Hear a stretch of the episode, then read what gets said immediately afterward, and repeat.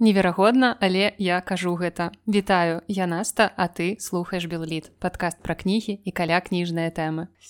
самое можна заканчивать.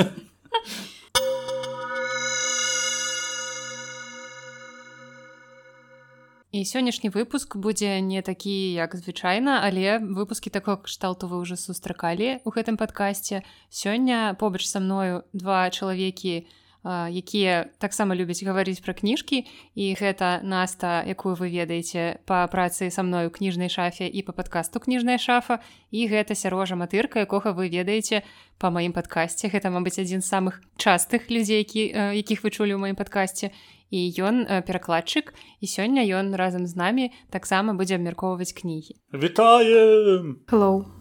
Але перад тым як перайсці ўласна да выпуску мне хацелася б сказаць колькі важных слоў. Гэта будуць словы прысвечаныя аднаму добраму чалавеку якога на жаль некалькі дзён таму з намі не стала. Ну для вас гэта ўжо больш часу прайшло. Яго завуць Алексей стрэльнікаў гэта тэатральны крытык. Гэта чалавек які вельмі шмат зрабіў для беларускага тэатру але ў тым ліку для беларускай літаратуры культуры увогуле мы з лёшам пазнаёміліся ў 2018 годзе ён тады быў сакратаром прэміі гідройця і гэта быў вельмі важны момант таму што ён узяўся за гэтую прэмію тады калі ну в прынцыпе прэміі магло б не адбыцца. Ён узяўся за яе ў вельмі цяжкі час і зрабіў усё магчымае каб гэтая прэмія адбылася і запомнілася і асабіста для мяне запомнілася тым што у у час гэтай прэміі я была яе аглядальнікам літаратурным і я пісала пра гэтую прэмію і таму лёша для мяне застаўся у памяці як такі чалавек які рабіў штосьці што можа быць іншыя лічылі немагчымым лічылі глупствам або вар'яцтвам але ён гэта рабіў і ён сапраўды вельмі шмат зрабіў для беларускай культуры. Таму э, мне хацелася б каб вы пачыталі яго апошняе інтэрв'ю. Калі яшчэ не бачылі Я думаю што у навінах яно магло вам сустрэцца. Вось гэты выпуск я б хацела прысвяціць лёшу які шмат размаўляў са мной пра літаратуру вельмі часта заходзіў на мяне на працу і а, мы абмяркоўвалі сучасную беларускую літаратуру ён казаў такія разумныя рэчы якія я буду успамінаць мне здаецца яшчэ вельмі вельмі доўга каб вось не заканчваць на такой сумнай ноце а, зараз мы пачнём наш выпуск у якім абмяркуем што адбылося з намі за гэты год. І не хочацца папсова казаць што галоўнае што мы выжылі. Так? Але мы выжылі. Але так мы выжылі гэта. Як як бы сумна гэта не гучала. І як вы памятаеце, мы вы выпускі выніковыя записываем такім чынам. У нас ёсць спіс намінацый. Пад кожную намінацыю кожны з нас падабраў одну кніжку, можа быць не одну, можа быць дзве, як пойдзе. І мы сёння раскажам вам пра гэтыя кнігі. Ну я не ведаю, як астатнія, я буду у пэўных намінацыях яшчэ загадваць нейкія іншыя кніжкі, якія запомніліся, але гэта будзе будуць ну такія згадкі прыгадкі і ўсё такое Ну у нас так звычайна адбываецца яшчэ падчас таго як расказваеш пра нейкую кніжку галаву прыходзяць іншыя кніжкі Ну тады паехалі прапаную распачаць ці хтосьці яшчэ хтосьці штосьці хацеў сказаць. Цікавага добрага. Светлага чыстага светлага чыстага. Вось вы чуеце гэты цудоўны гук. Зараз у нас все будзе адбывацца абсалютна імправізацыйна і рандомна. Мы зараз выцягнем хто, не, не намінацыя, хто, хто, хто будзе пачынаць э, свае расповеды -hmm. і гэты гонар аддамо насце не скажем якое зараз я выцягну чалавека які будзе пачынаць першым расказваць пра свае уся інтрыга пайшла ну. і гэта сярожа боска сярожа першы расказвае пра свае кніжкі наступным будзе спадзіся што я буду апошняй стапе А я думала што мы будзем а. Нас така ну, гэта ж мы для кожнай намінацыі цяг не.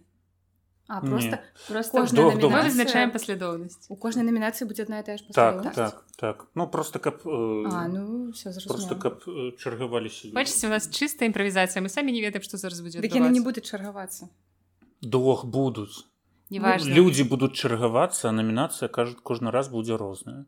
Мы будзем ісці па парадку я буду першы расказваць чацвёрты Э, сёмы і паехала да я думала что мы будем перад кожнай намінацыяй яшчэ цягнуць не парадак не, ну, все, не мы просто будем кожную намінацыю выцягваць все ну все я тады пачынаю так? Так ну, можешь вот. у нас у нас яшчэ одно лісаванне калі я ўжо выцягваю намінацыю дарэчы намінацыі мы такія стандартныя прыдумалі летась мы прыдумвалі арыгінальныя назвы не ведаю наколькі яны былі арыгінальныя сёлета мы вырашылі что арыгінальнасцю мы будзем блістаць у рэжыме фільме онлайн. Номінацыі у нас такія ну я ж кажу пагранічна простыя але ну зараз будзем глядзець як мы их будзем абзываць і, і ўсё такое. Сража не можа прачытаць мой почерк. кніга падтрымка калі я О, ўжо, так мы ўсё... пачынаем з цяжкай артылерыі. Усім вядома што гэты год для многіх з нас быў не вельмі просты не самы просты. І кожны з нас э, у пэўны цяжкі момант свайго жыцця знаходзіў э, якую-небудзь аддушыну. І я спадзяюся што многа у каго такой аддушанай была якая-небудзь кніга альбо што-небудзь каля кніжная і таму мы прыдумалі вось такую намінацыю. Як і абазваць у мяне была прапанова назваць гэта падцяжкі года то бок кні тое што падтрымлівае А я танцы а у дзяўчат трэба падтрымліваць штосьці іншае. Дзяўчат была свая асацыяцыя з прадметамі адзення. Тады э, якая якая ў мяне падцяжка года. Ну гэта хутчэй э, не кніжка гэта хутчэй э, аўтары якія мяне падтрымлівалі. У гэтым годзе як ніколі мяне падтрымліваў ну гэта ні для кого не сакрэт. Гюнтер грас. Так атрымалася что я вельмі часта да яго звяртаўся ён неяк у маім жыцці менавіта сёлета ўсплываў вельмі вельмі часта. Вельмі часта я працаваў з крытыкай ягоных твораў. Я адкрыў для сябе вядомага нямецкая крытыка марселя райх раніцкага які быў просто мега чалавек на якога ўсе раўняліся і я так як я бачу дагэтуль шмат хто раўняецца з літаратурнага нямецкамоўнага свету менавіта на гэту асобу. І таму таксама побач з грасам я хачу згадаць адну такую літаратурную перадачу якая таксама выцягвала ў мяне з вось гэтай э, эмацыйнай ямы цягам гэтага года якую акурат прыдумаў і вёў э, марсель рай храніцкі. Гэта прыгожымі нямецкімі словамі гэта перадача называется дас літарарыша квартэт яна пачалася вяшчацца ў 1988 годзе і э, гэта радыё праграма гэта было не была не гэта ёсць яна дагэтуль яе э, здымаюць дагэтуль яе транслююць па дзяржаўным нямецкім тэлебачанні. Марсель рахраніцкі ён быў ініцыятарам гэтай перадачы. Збіраліся чатыры э, літаратуразнаўцы і яны цягам гадзіны цягам паўтару цягам паўтара гадзін э, яны абмяркоўвалі э, некалькі кніжак. І гэта як мы толькі ў нас літаратурная трыа Боже мой гэта гучыць так па квартэт дарэчы гучыць нармальна трыо гучыць. Ну не ведаю для мяне гэта было таксама і вялікім адкрыццём. Вось менавіта вось цыкл гэтых перадач. Як я казаў яны пачаліся транслявацца з 1988 года на дадзены момант. Існуе 118 эпізодаў гэтай перадач некаторыя з іх я думаю што больш за палову можна лёгка знайсці ў Ютубе. І разумееце гэта такая перадача калі збіраюцца рэальна разумныя людзі. Я ж кажу як мы і я ну так. І яны размаўляюць пра кніжкі размаўляюць вельмі прыгожымі вельмі такімі велягурыстымі сказамі і такімі сказамі якія хочацца напрыклад записываць і там ёсць такія штукі калі той же самы марсель рай храніцкі яму трэба сказаць штосьці дрэннае пра кніжку але ён так аксюмароніць ўсё што атрымоўваецца ну словы др... ну добрыя а але той сэнс які ён закладае ну скажем так там да іх прыйшоў быў аднойчы адзін ну ўжо такі вядомы драматург і ён яго апошняя п'еса была ну скажем так адкрытая дрэнь просто і марсель рай храніцкі такі э, сядзіць і кажу ну ваша апошняя п'еса у ну скажем так яна не самая кепская. І что было написано у нямецкай драматургіі і вось он заўсёды подбірае так слова вельмі вельмі прыгожа что реально хочется сядзець і выписывать. Вось гэта другая моя вось такая подцяжка гэтага года. Я з вялікім захапленнем паглядзеў палову вось гэтых усіх выпускаў якія доступныя на Ютубе. і і калі вы разумееце хоць неяк э, нямецкую мову гэта ну, будзе вельмі вельмі карысна вельмі цікава пагрузіцца ў нямецкамоўнае асяроддзе ў нямецкамоўную культуру літаратуру. Справа тым што яны таксама размаўлялі не толькі пра нямецкую літаратуру яны размаўлялі э, ну вялі гутаркі пра сусветную літаратуру. І просто каб э, дзеля арыентавання э, я паглядзеў э, тыя ну тых спіс тых аўтараў спіс тых кніг і пра якія пра якія яны размаўлялі. З 1988 год трэба казаць што іх перадача выходзіла там некалькі разоў на год. Там можа 6 ці колькі. У іх быў вялікі перапынак э, з 2001 года 15 год не выходзіла ні разу гэта перадача потым яны аднавілі. Мар марсель райхраніцкі ён ужо на жаль не з намі але э, ну перадача працягвае жыць і дагэтуль пра гэта расказваць. Так вось я праглядзеў спіс усіх кніжак і аўтараў якіх яны э, абмяркоўвалі. І мне было просто цікава каго з нобелеўскіх лаўрэатаў яны абмяркоўвалі да таго як ім прысудзілі нобелеўскую прэмію.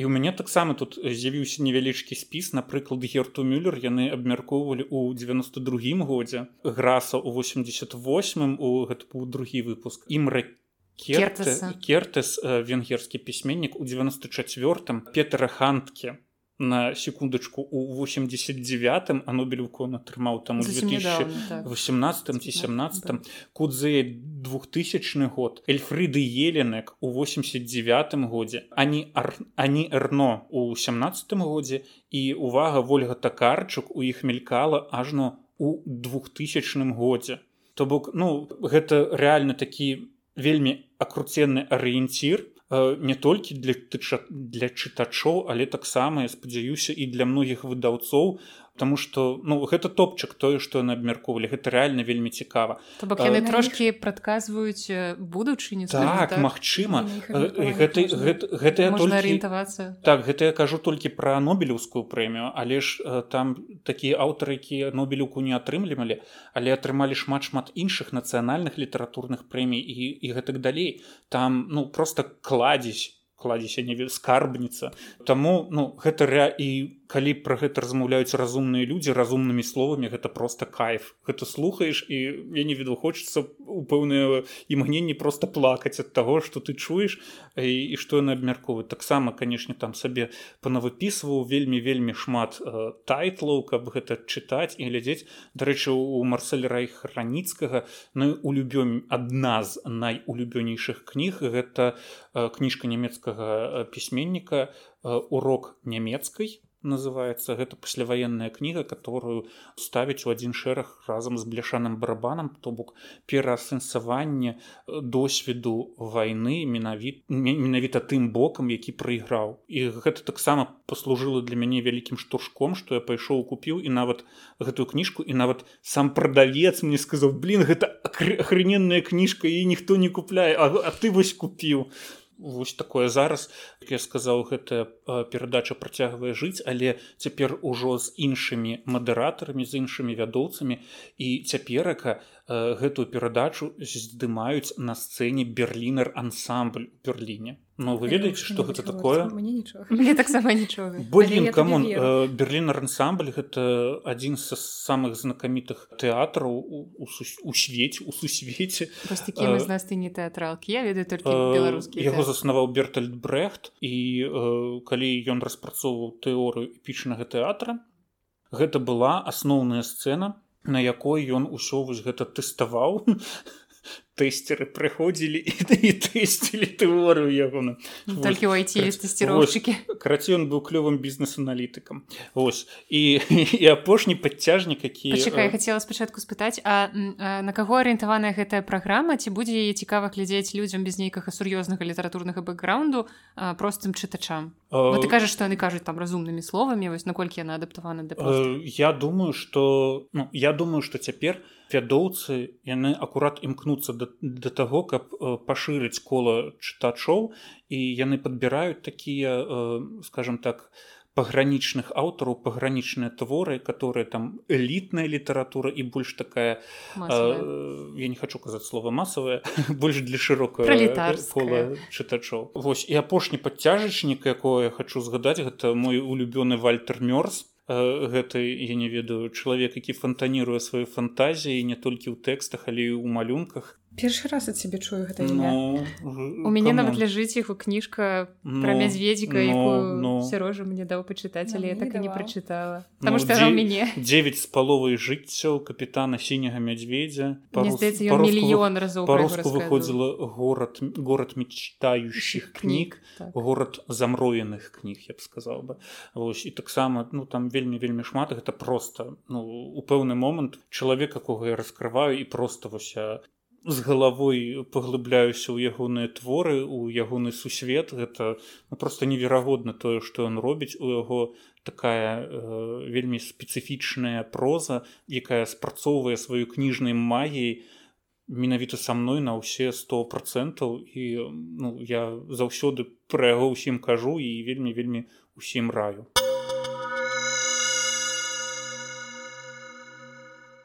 наступнае у нас будзе расказваць э, спадарня белліт.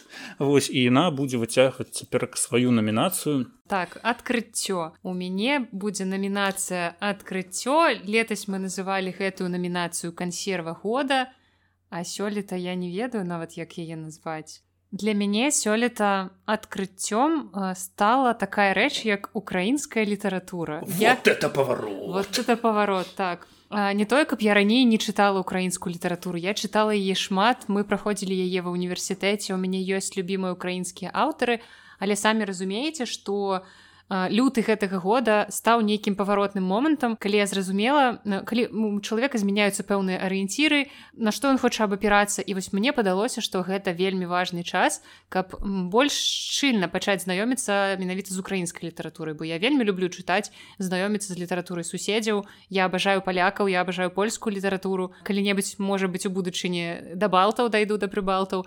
Але вось украінцы гэта літаратура украінская блізкая нам па духу мне здаецца даволі моцна.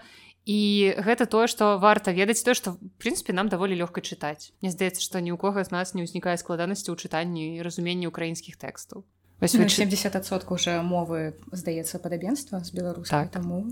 Але я б хацела расказаць пра адну з кніжак, якая проста яна адначасова была і адкрыццём і падтрымкай можна сказаць, што гэтая кніга, якая крыху выцягвала з эмацыянальнай бахны. І гэта кніга Андрея Любкі, якая называецца карбіт. Гэта гамерычна смешная кніга. Я бегала проста ўсім людзям зачытвала цытаты і таксама вам там трошкі падзялюся з вами. Мне здаецца, я ўжо Насці зачытвала цытаты 500 разоў з яе калі чытала. Потым гэтая кніжка трапіла да мяне ў папяровым выглядзе, дзякуючы цудоўнаму чалавеку сярожу Макарэвічу, які паслухае нас, мы верым у гэта і перадаём яму прывітанне. І э, гэта твор, які расказвае гісторыю прыдуманага мястэчка, якое называецца мядзведзева.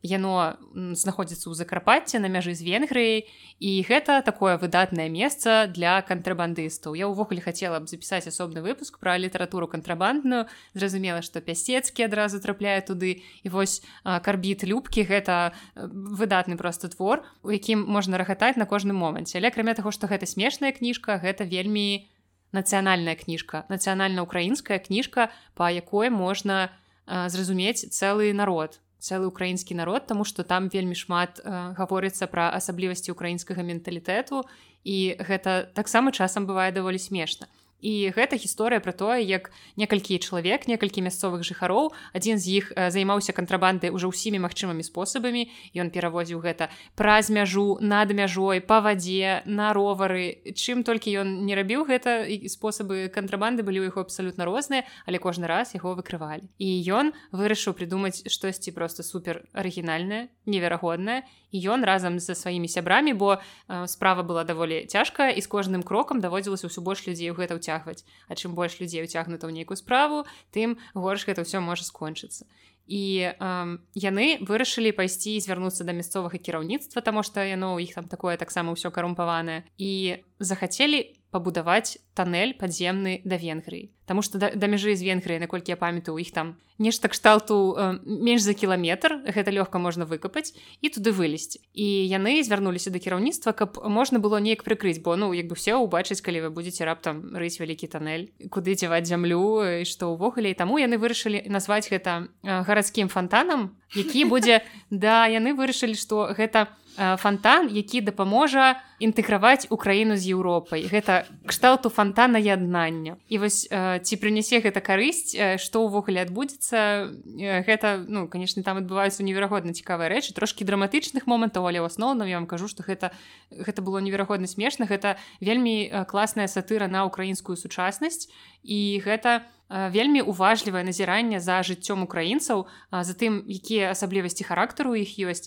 І гэта кніжка даволі невялікая. На кішэннага фармату там мала старонак і яна нашмат больш вам раскрые характару і нейкіх рэчаў там менталітэту украінцаў чым нейкі сур'ёзныя там даследаванні публіцыстычныя. І гэта ну такі не вельмі круцельскі роман я б нават сказала. Ён э, месцамі гэта нейкая просто абсурд буфанада чорны гумар але разам з тым гэта вельмі сур'ёзная кніга. І калі нават вы не цікавіцеся украінскімі праблемамі для вас гэта будзе просто смешны роман про то як ребята вырашылі выкапаць тоннелю Еўропу каб інтэгравацца і такім чынам зарабляць шмат грошай. Вось я ўсім раю горачых эту кнігу она вельмі лёгка чытаецца калі вы нават дрэнна валодаюць украінскай. Я думаю што вы ўсё выдатна зразумееце. І гэта такое вялізнае маё адкрыццё. Але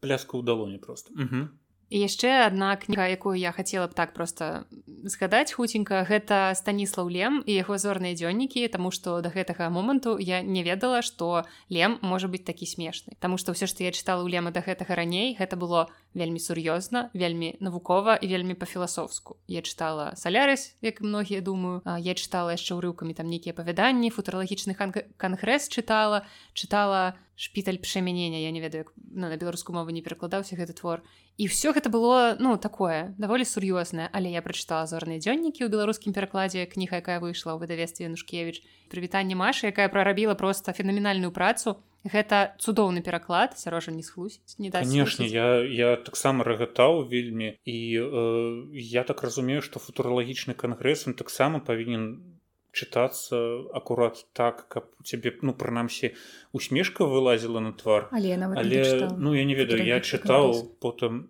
футуралагічных кангрэс з такімі вось чаканнямі што я зараз не тое што я зараз паржу але тое што зараз я як бы як это сказаць раз, разумова штосьці там э, зразумею і гэта у мяне там я так інтэлігентна парагачу сабе ў баку. Але такога на жаль не было з футуралагічным кангрэсам. То чаго не скажаш пра зорныя дзённікі? Гэта выключна крутая проза над якой над якой можна пасмяяцца якую можна цытаваць і пра якую можна вельмі вельмі шмат кому расказваць але пры гэтым там сустракаюцца і філасофскія разважанні так што не думайце што гэта нейкая такая гумарыстычная фантастыка кшталту дугласа адам с аўтаспыным па галактыцы не тут все ж таки шмат таких даволі сур'ёзных жыццёвых рэчаў над якімі як вось вельмі папулярны выраз кніга прымушае задумацца.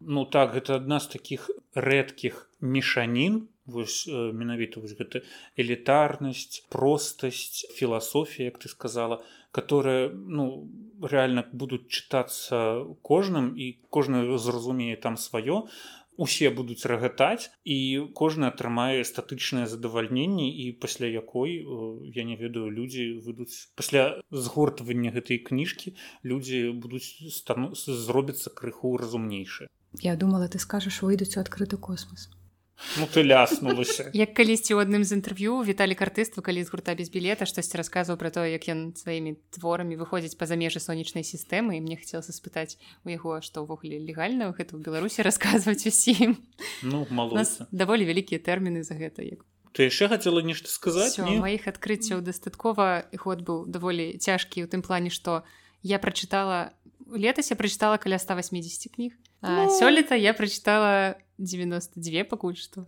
ну, ёсць, да... ёсць, ёсць ты чаго імкнуцца нават да сотачкі не дайшла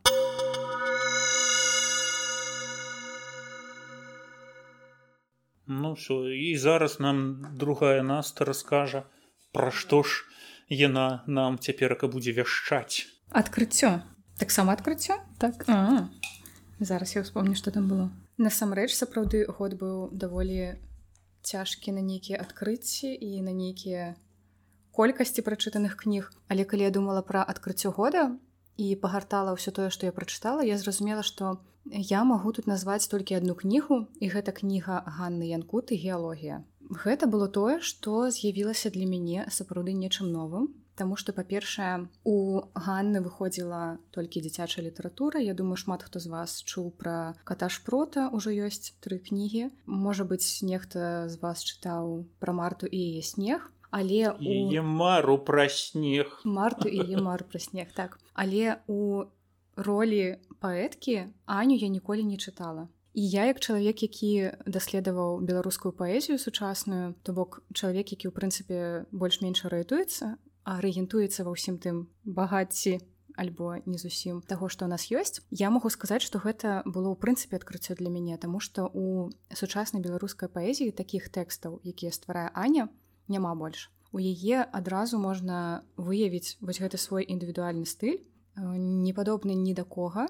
То бок гэта адразу голас, які выяўляецца ў яе ў паэзію. І што мне больш за ўсё спадабалася, тое, як яна выкарыстоўвае навуковасць пэўную, нейкія факты, факталагічныя рэчы, звароты да вось гэтых усіх слоў якія звязаны з эвалюцыяй з фізікай там гравітацыя ну, зборнік называется так, геологія. І тое як яна умела гэта спалучае з сапраўды нейкім такім паэтычным бачаннем то бок як ні круці яна ўсё роўна выяўляе пэўную сваю вось гэтую лірычную не ведаю сутнасць. І гэта для беларускай літаратуру у прынцыпе я думаю што нават не толькі сучаснай увогуле адкрыццё і мабыць трошки працытую каб гэта было не галаслоўна зусім невялічкі верш які называется выкапень 35 і які зноў жа пра пэўную эвалюцыю але і пра рамантыку можа быць чалавечых стасункаў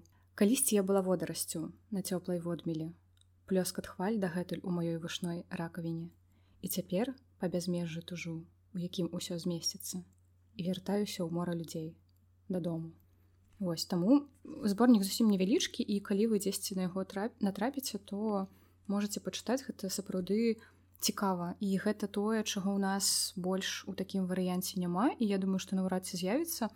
Вось Ганна Янкута геалогія вершы напісаныя ў музеі маё кнігарня кніжная шафа на праспекце дзяржынскага 9 уваход са двара А скажы вось гэтую кніжку яе як трэба чытаць дазавана ці э, можна чытаць там я не веду адразу ўзяць вялікі кавалак там Я думаю што гэта можна чытаць вялікім кавалкам. Але напрыклад той жа сярожа макарэвіч яго ты згадвала ён казаў што браўся і вось ён не змог гэта такім менавіта потокным выдыхам так.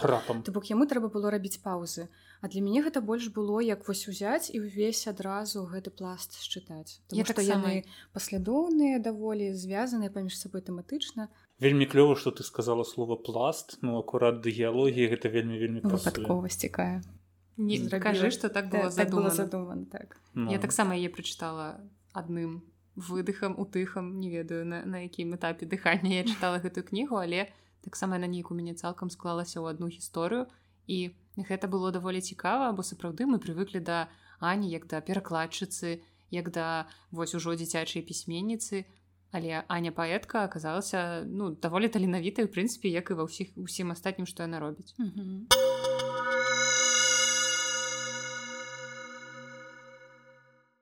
Ну мы тады працягваем наш этот э, забег. Я не умею доўга гаварыць таму. Что ж выйти не ён? Інтрыга года. Інтрыга года. А персонаж года. Чамусь я думаю что гэта будзе персонаж. Я не памятаю у якую намінацыю у цябе насця трапіла летась кніжка э, вельмі клёвага э, пісьменніка роберта макамана я уже таксама не памятаю гэта было або адкрыццё альбо кніга альбо адкрыццё альбо кніга альбо адкрыццё не гэта было адкрыццё кнігай году цябе стаў ричард руса вось гэта вось гэтая фу как гадасць не чытайце імпарфол мы завершаем что абы што завершаем наш подкаст. Больш ніколі сярожу вы ў ім не пачуеце Дякую вельмі прыемна было адзіна метро там. Адзінае на што здатная гэтая кніжка гэта просто просто не ведаю растапіць печку все ну я не ведаю мне навогуле не так, карацей карацей персонаж года. Я вельмі доўга хацеў прачытаць гэтую кніжку. Як вы ўсе здагадаліся гаворка ідзе пра кніжку жизнь мальчишки в рус у рускім перакладзе. Я чытаў по-нямецку по-нямецку она называется вельмі трывіяльна. The boys life але вельмі але вельмі мелагучная под назва а в der suche nach einem мёрда так немцы вельмі любяць э, пакідаць э, англійскія назвы дзе-небудзь тому что the boys life гэта зразумел гэта зразумее кожны дзіцёнак нямецкі. Вось в дзязуханах айным мёда у пошуках забойцы. Гаворка ідзе не пра забойцу самы лепшы персонаж гэтага года гэта ровар вось гэта паварот вось гэта паварот але вы але адразу усе так заусміхаліся я ўжо здаецца он быў чырвоны здаецца ровар ён таксама мне запомніўся з кнігі Вось гэта просто офігенны персон гэта рэальна ён выступае ў гэтай кніжкі як персонаж гэта вельмі сама кніжка на вельмі запамінальная я калі чытаў яе я просто людзям калегам знаёмым сябрам я пастаянна пра яе расказваў пра ўсе вось гэтыя эпізоды падчас чытання. Кніжка Дякуй Богу і на вельмі тоўстая можна чытаць расцягваць асалоду што я прына прынамсі і рабіў. І таму я просто я за людзі закалібаліся мяне ўжо слухаць калі я ім распавядаў пра ўсё пра ўсе тыя падзеі якія адбываліся ў гэтай кніжцы. Але вернемся да ровара. Галоўны герой хлопчык 12 гадоў і яму дараць ро дораць ровар. І гэты ровар успрымаецца галоўным героем як жывая істота. Ён з ім размаўляе ён ратуе яго з розных злыбедаў. Адкулькі адкуль толькі можна і няможна ён з ім раецца. Ровар іх і галоўны герой яны з ім на адным узроўні і часам ім не трэба перамаўляцца я не ведаю гэта, гэта, гэта гучыць вельмі дзіка. Ровар размаўляе з ім дае там парады як я ўжо казаў яны там штосьці абмяркоўваюць куды там ехаць куды заварочваць што трэба рабіць каб уцекчы там ад, ад нейкіх злых людзей. А потым оказывается так что ровару трэба казаць нашмат меней тому что хлопчык і так яго разумее там без словаў. І вось ну гэта ну найлепшы сябр які у тым летам здарыўся з галоўным героем які реально там акрыляе літаральна хлопчык садзіцца на гэты ровар і ўзлетае под неба под аблокі і, і лётае і ён выконвае вось вельмі такое шчымлівае жаданне гэтага хлопчыка. Таму ну я не ведаю больш ніхто не змог перабіць вось гэты вобраз лепшага сябра лепшага персонажа у гэтым годзе у маім чытацкім досведзе. Таму я не ведаю летась гэта быў чэрап сёлета гэта ровар. Ну у мяне вельмі такі спецыфічны шэраг атрымлівае атрымліваецца. Таму ну не ведаю. Ну, пасля гэтай кніжкі таксама пачаў размаўляць са сваім роварам. Адказаў поехали. І махнуў рукой. Ведаеце як гэты жарт про тое што калі ты размаўляеш з Богом гэта малітва. Калі Бог размаўляе з табой гэта шизофренія. Вось калі ты размаўляеш з роварам гэта нармальна. Вот калі ровар ужо пачынае з таб размаўляць мне здаецца ёсць праблемкі. Табе адказваў твой ровар табе вось адказаў паехалі так што сярожа нормально нормально. Мы паехалі дахам лепшы персонаж гэта ровар і ніхто каб са мной не спрачаўся. І нават не спрабавалі.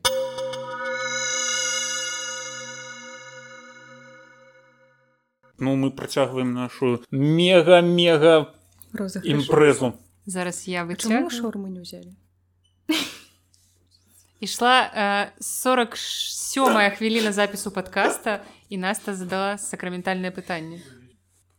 Па-першае мне вельмі хочацца адзначыць кнігу Віктора франкла сказаць жизни да псіхолог в концлагере гэта кніга якую я прачытала у чэрвені гэтага года калі скончыла сваю вандроку у санаторый прафілакторый. Э, я буду казаць эўфемізмамі але я думаю што вы так зразумееце што я маю на увазе і я не ведаю чаму не прачытала гэтую кнігу раней. Мачыма яна б мне дапамагла крыху больш але мне здаецца ўсё роўна прачытала яе ў патрэбны час і гэта гісторыя ад вядомага аўстрыйскага псіхолага.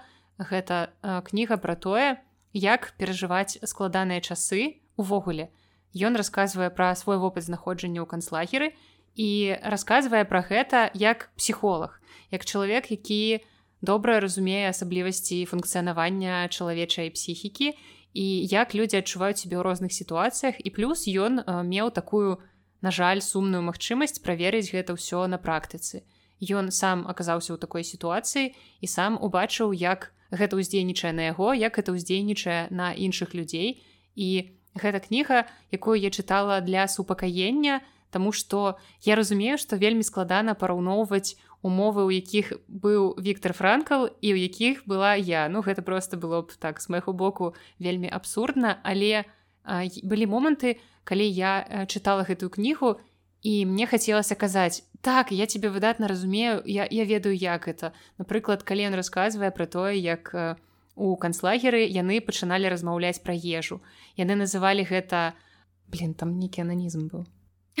Ананізм?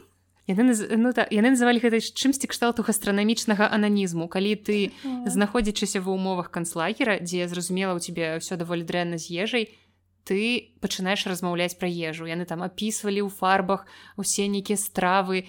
І гэта нельга рабіць. Ну гэта вельмі дрэнна для тваёй псіхікі так рабіць непажадана. І я ўспомніла што ў нас таксама былі падобныя размовы. І э, ну мне не гэта не было ні чымсьці складаным. Я схуднела на 10 кілаграмаў але я наадварот адчула ад гэтага толькі плюсы. І вось шмат такіх момантаў гэтай кнізе якія вельмі падтрымліваюць у тым плане што ты разумееш што з усім можна справіцца калі у цябе калі ты ведаеш для чаго ты гэта робіш калі у цябе ёсць нейкая мэта і калі вы слухали падкаст кніжная шафа у якім мы з настай раілі вам кнігі якія могуць неяк падтрымаць у гэты час вось нас акурат згадвала кнігу Віктора франкла і менавіта паводле аповеду насты я вырашыла яе прачытаць. Там я прачытала гэтую кнігу я пачала чытаць 23 лютага скончыла 24 лютага. Гэта самая сумная гісторыя пра то як добрая кніга трапіла да чалавека. Нежно это мовы заняло ну красе гэта атрымалася вельмі сімвалічна uh -huh. і яна ну яна аказала табе падтрымку вось у гэты час. А мы раілі менавіта ў кантэксце падтрымкі да наколькі так, памят так. Так тому что ўсё тое пра што ты рассказывала вось гэтыя штукі пра тое як псіхіка працуе як з гэтым справіцца і увогуле ўвесь гэты сэнс у тым каб знайсці мэту гэта такі момант калі ты разумееш што што можа дапамагчы так. І вось веданне гэтага гэта вельмі моцна дапамагае. Таму увогуле мы горача раем гэтую кнігу прачытаць усім зараз. Гэта дакладна нікому не будзе лішнім. Не глядзіце на мяне. Не, мы тебе не асуджаем. І я думаю что гэта будзе такая караценечкая э, рэмарачка просто про тое что вось такая кніга падтрымка ёсць. Але асноўная кніга про якую я б хацела расказаць яе таксама мне параіла наста. Вось э, ёсць кнігі падтрымкі а ёсць людзі падтрымкі і вось нас там мой людзь падтрымка і сярожа закаціў вочы і кніга про якую я зараз пастараюся расказаць караценечка гэта кніга восходящая спіраль алекса корба. Гэта нон-фікшн нон-фікшн на тэму дэпрэсіі На жаль у наш мне нешта у гэтым годзе атрымаліся такія нейкі тэматычныя кніжкі тому што калі буду расказваць пра кнігу года маю яна таксама будзе звязаная з дэпрэсіяй але мы жывём у 2022 годзе ён заканчваецца і такія рэчы як розныя псіхічныя захворванні павінны перастаць стыгматызавацца табуявацца і розныя іншыя складаныя словы.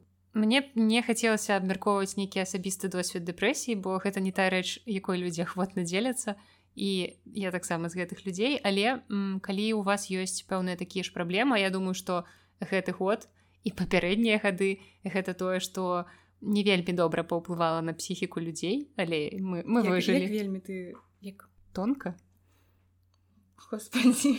Трэба казаць не самым дрэнным чынам на псіху людзей як мякка ты гэта сказала ну сэнсе што ну я стараюся да, моя псіхатэрапеўтка сказала што у мяне есть праблемы з выражэннем негатыву я заўсёды спрабую ўсё змякчыць тая ж фігня што я заўсёды замест таго каб сказаць гэта рэч была гаўнянай я кажу ну гэта была не самая лепшая рэч Боже мой храніцкі так что таксама ён спрабуе каб не сказаць пра чалавека дрэнна ён гэта спрабуе так неяк акуратна і вось я таксама так заўсёды раблю. Вось кніга восходящая спіраль алекса корба гэта кніга нейрафізіёлага у якой ён расказвае што у наших мазгах якія працэсы стаяць за дэпрэсіяй і што самае важнае не просто расказвае пра дэпрэсію ён яшчэ і прапануе варыянты таго як з яе можна выйсці і зразумела што тут шмат складаных шляхоў тому што бывае клінічная дэпрэсія якая не лечыцца нават таблеткамі але прынамсі гэтая кніга можа вам дапамагчы зрабіць крок бо вельмі часта самая важная рэч якую трэба зрабіць каб все далей пайшло як трэба гэта просто зрабіць крок і паспрабаваць. І вось гэтая кніга гэта такі вельмі вельмі поўны але пры гэтым вельмі лаканічны. Ён не расцікашся мысі мысі ў падрэве ён вельмі не трапляе ў патрэбныя кропкі і ён робіць агляд розных біялагічных псіхалагічных сацыяльных усіх магчымых фактараў якія спадарожнічаюць дэпрэсіі. І зразумела што на гэту тэму можна сказаць больш але гэтая кніга не прэтэндуе на нейкі там сур'ёзны навуковы талмуд у якім будзе ўсё распісана пра дэпрэсію. Гэта сапраўды рэальна нейкі такі практычны дапаможнік для простага чалавека які не валодае нейкімі сур'ёзнымі навуковымі навуковымі ведамі у галіне вось э, ўсёй гэтай навуковай галіне і ўсё тое што ён раіць у гэтай кнізе ўсе практычныя парады гэта ўсё цалкам клінічна абгрунтавана таму можна без боязі гэта ўсё выкарыстоўваць і калі вы прачытаеце гэтую кнігу калі вы зразумееце ў асноўным прычыны дэпрэсіі якія прыводзяць аўтар калі вы зробіце вось усё тое што ён раіць то гэта будзе просто выдатна у цэлым з гэтым можна справіцца і там вельмі вельмі шмат карыснай інфармацыі і магчыма калі-небудзь у мяне будзе асобны выпуск дзе я збяру подборку паколькі сёлета я чытала адна з тэмаў на якую я чытала даволі шмат. Гэта была якраз тэма дэпрэсіі. Я э, магу ўжо нешта цікавае расказаць на гэтую тэму. І э, ну больш дакладна неяк тады я рассказала про гэту кнігу. І ну неяк робячы такое падсумаванне хочу сказаць что вам не трэба быць навукоўцамі вам не трэба дасканала ведаць усё пра дэпрэсію для таго каб зрабіць першы крок. то і э, гэта не значыць што вось у гэтай кнізе аўтар просто раскрыўся сакрэты і зараз все людзі хуценька пазбавіцца ад дэпрэсіі не гэта больш складаная комплексная штука. Але мы можемм не ведаць як вось гэта ўсё працуе але можемм дакладна сказаць што гэта не магія гэта ўсё магчыма. І калі вы гатовыя калі вы самі гатовы зрабіць гэты крок а я ведаю як гэта можа быць складана то просто возьмите гэтую кнігу і гэта ну вельмі класны дапаможнік по тым что вы можете зрабіць і вось найлепшая выснова якую я з гэтай кнігі зрабіла гэта тое что дэпрэсія выяўляецца также ну як фізічна як нейкія захворванні чалавечага цела і таму з ёй можна працаваць яе можна лічыць і вось гэтай з гэтай узыходзячай спіралі вы можете выйсці некалькімі шляхамі і ўсе гэтыя шляхі даволі добра прапрацаваныя і спачатку вы можете нават не звяртацца па дапамогу да спецыялістаў ці да нейкіх медыкаментозных спосабаў лічэння але просто просто паспрабуйце это так учыць кшталт так чалавек які лежыць у дэпрэсіі ты ему кажаш да все будзе нормально ты просто встане жыві радуйся жыццю але конечно насамрэч все больш складана то я так сумбурна гэта ўсё зараз расказала але спадзяюся што ў мяне яшчэ будзе магчымасць расказаць пра гэта больш падрабязна бо я разумею што ну гэта падыходзіць час каб казаць пра такія рэчы.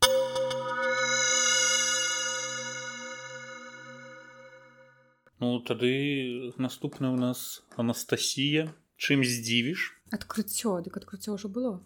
Цягні на ну цягні на ну я думаю ты яго выкіну так не, ну, а, не расказу шабіць мяне ўжо выкінули таксама кніга под мы нешта з нас ты выцягваем аднолькавы хранізаваліся як заўсёды.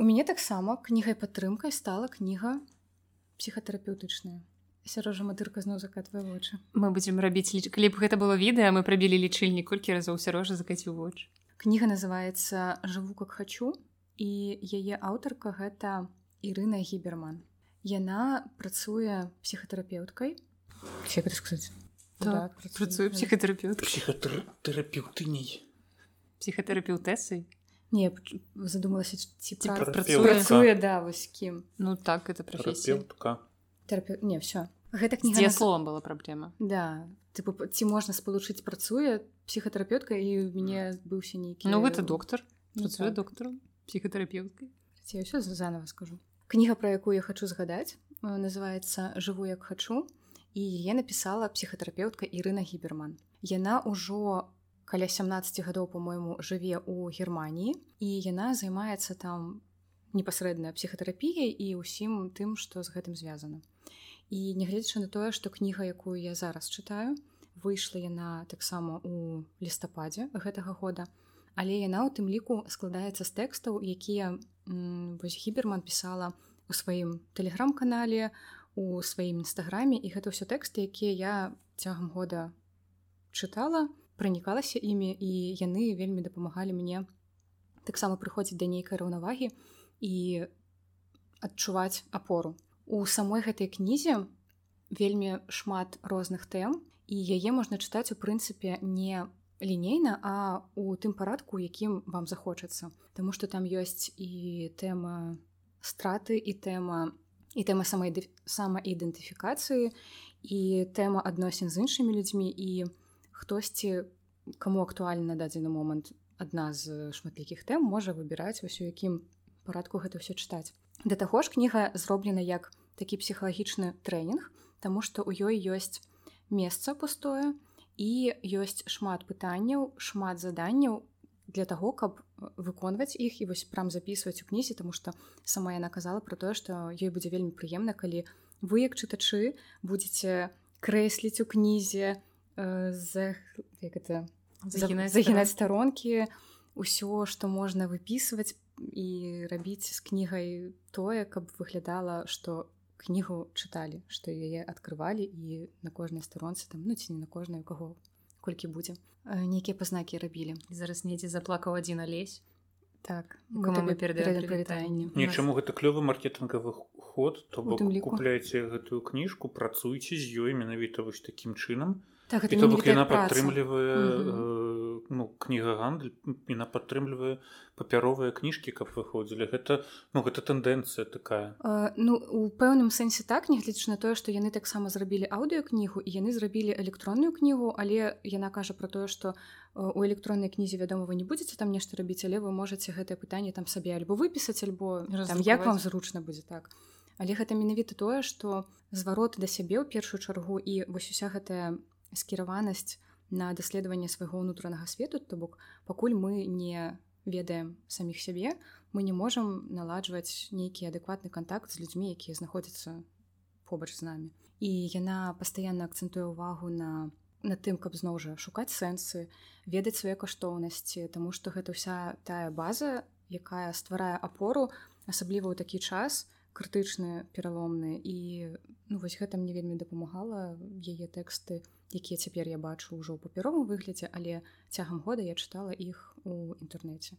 І таксама гэта як нейкі падарунак калі ты атрымліваеш тое што ты бачыў просто як пост з карцінкай у нстаграме пасля ты разгортваеш кнігу і ты бачыш усё гэта што яна напісала і гэта нейкая такая асаблівая радасць калі ты атрымліваеш вынік вось гэтай працы і пры тым што ты гэта можаш выкарыстаць яшчэ і ў сваім жыцці Дарэчы, можна так сказаць, што ты як падарунак атрымала і кнігу Ганны Янкуты геалогія, Таму што Янкута выкладвала ў сябе ў фейсбуку гэтыя вершы цягам года ці нават, mm -hmm. мне здаецца больш на таксама выкладвала гэтай вершы іх можна было прачытаць, а потым яны аказаліся вось сабраныя пад адной вокладкаю кнізе. І гэта нашмат мацнейшы эфект, таму што ты у такім канцэнтраваным выглядзе атрымліваеш усе тыя тэксты, якія бачу там можа ты нешта прачытаў забыў а цяпер у цябе ёсць магчымасць паглядзець нават на гэта па-новаму па-іншаму так, ну, такая, такая сабе рэтра-перспектыва так.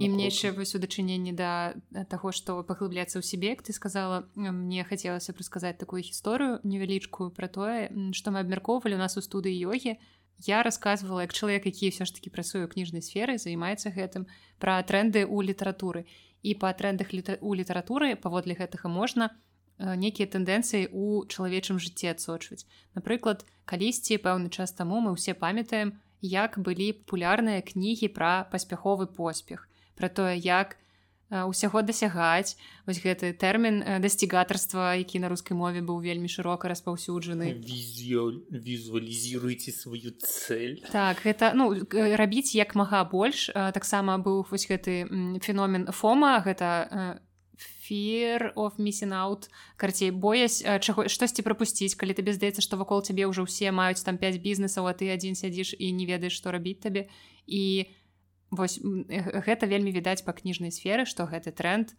ужо ну збольшага аджыў сваё і на ягонае месца прыйшоў іншы тренд які таксама вядома ж у нейкай гіпербалізаванай ступені можа даводзіцца да фанатызму але калі гэтага ў меру гэта вельмі карысны тренд гэта тренд на паглыбленне ў сябе на знаёмства з сабой на нейкае наадварот не бегчы кудысьці а спыніцца асэнсаваць сябе асэнсаваць дзе ты якое месца ў свеце займаеш і зразумець што ты што ты унікальны але адначасова разам з тым ты належыш да чагосьці большага і таму неяк трэба ставіцца з павагай і да сябе і да іншых карацей вось усё пра разумныя адносіны з сабою. І гэта мне падабаецца больш чым просто я больш лянівы чалавек чым чым гэты дасцігатары таму мне гэты тренд больш даспадоб калі не памыляюся на расійскім кніжным рынку лідарамі ў гэтым годзе стала кніга 1984 і к сябе нежна вось другая кніга гэта якраз у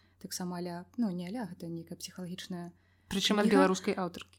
А вось дарэчы так. у нас кні... кнізе на у нас кніжнай шафе прадавалася і яна сапраўды даволі папулярная і нават самой назвы можна зразумець што вось гэтая запатрабаванасць увагі да сябе значна ўзрасла. Просто все выхарылі ад гэтай э, спешкі ад гэтага жадання рабіць усё і нарэшце прыйшоў час звярнуцца да сябе і да сваіх патрэбаў для таго што тебе сапраўды трэба а не тое што навязваецца табе грамадствам сярожа так сур'ёзна на нас глядзіць что ты можаш жыццё так жыву Боже мой да сябе себе нежна ну, вось там шчаслівы чалавек не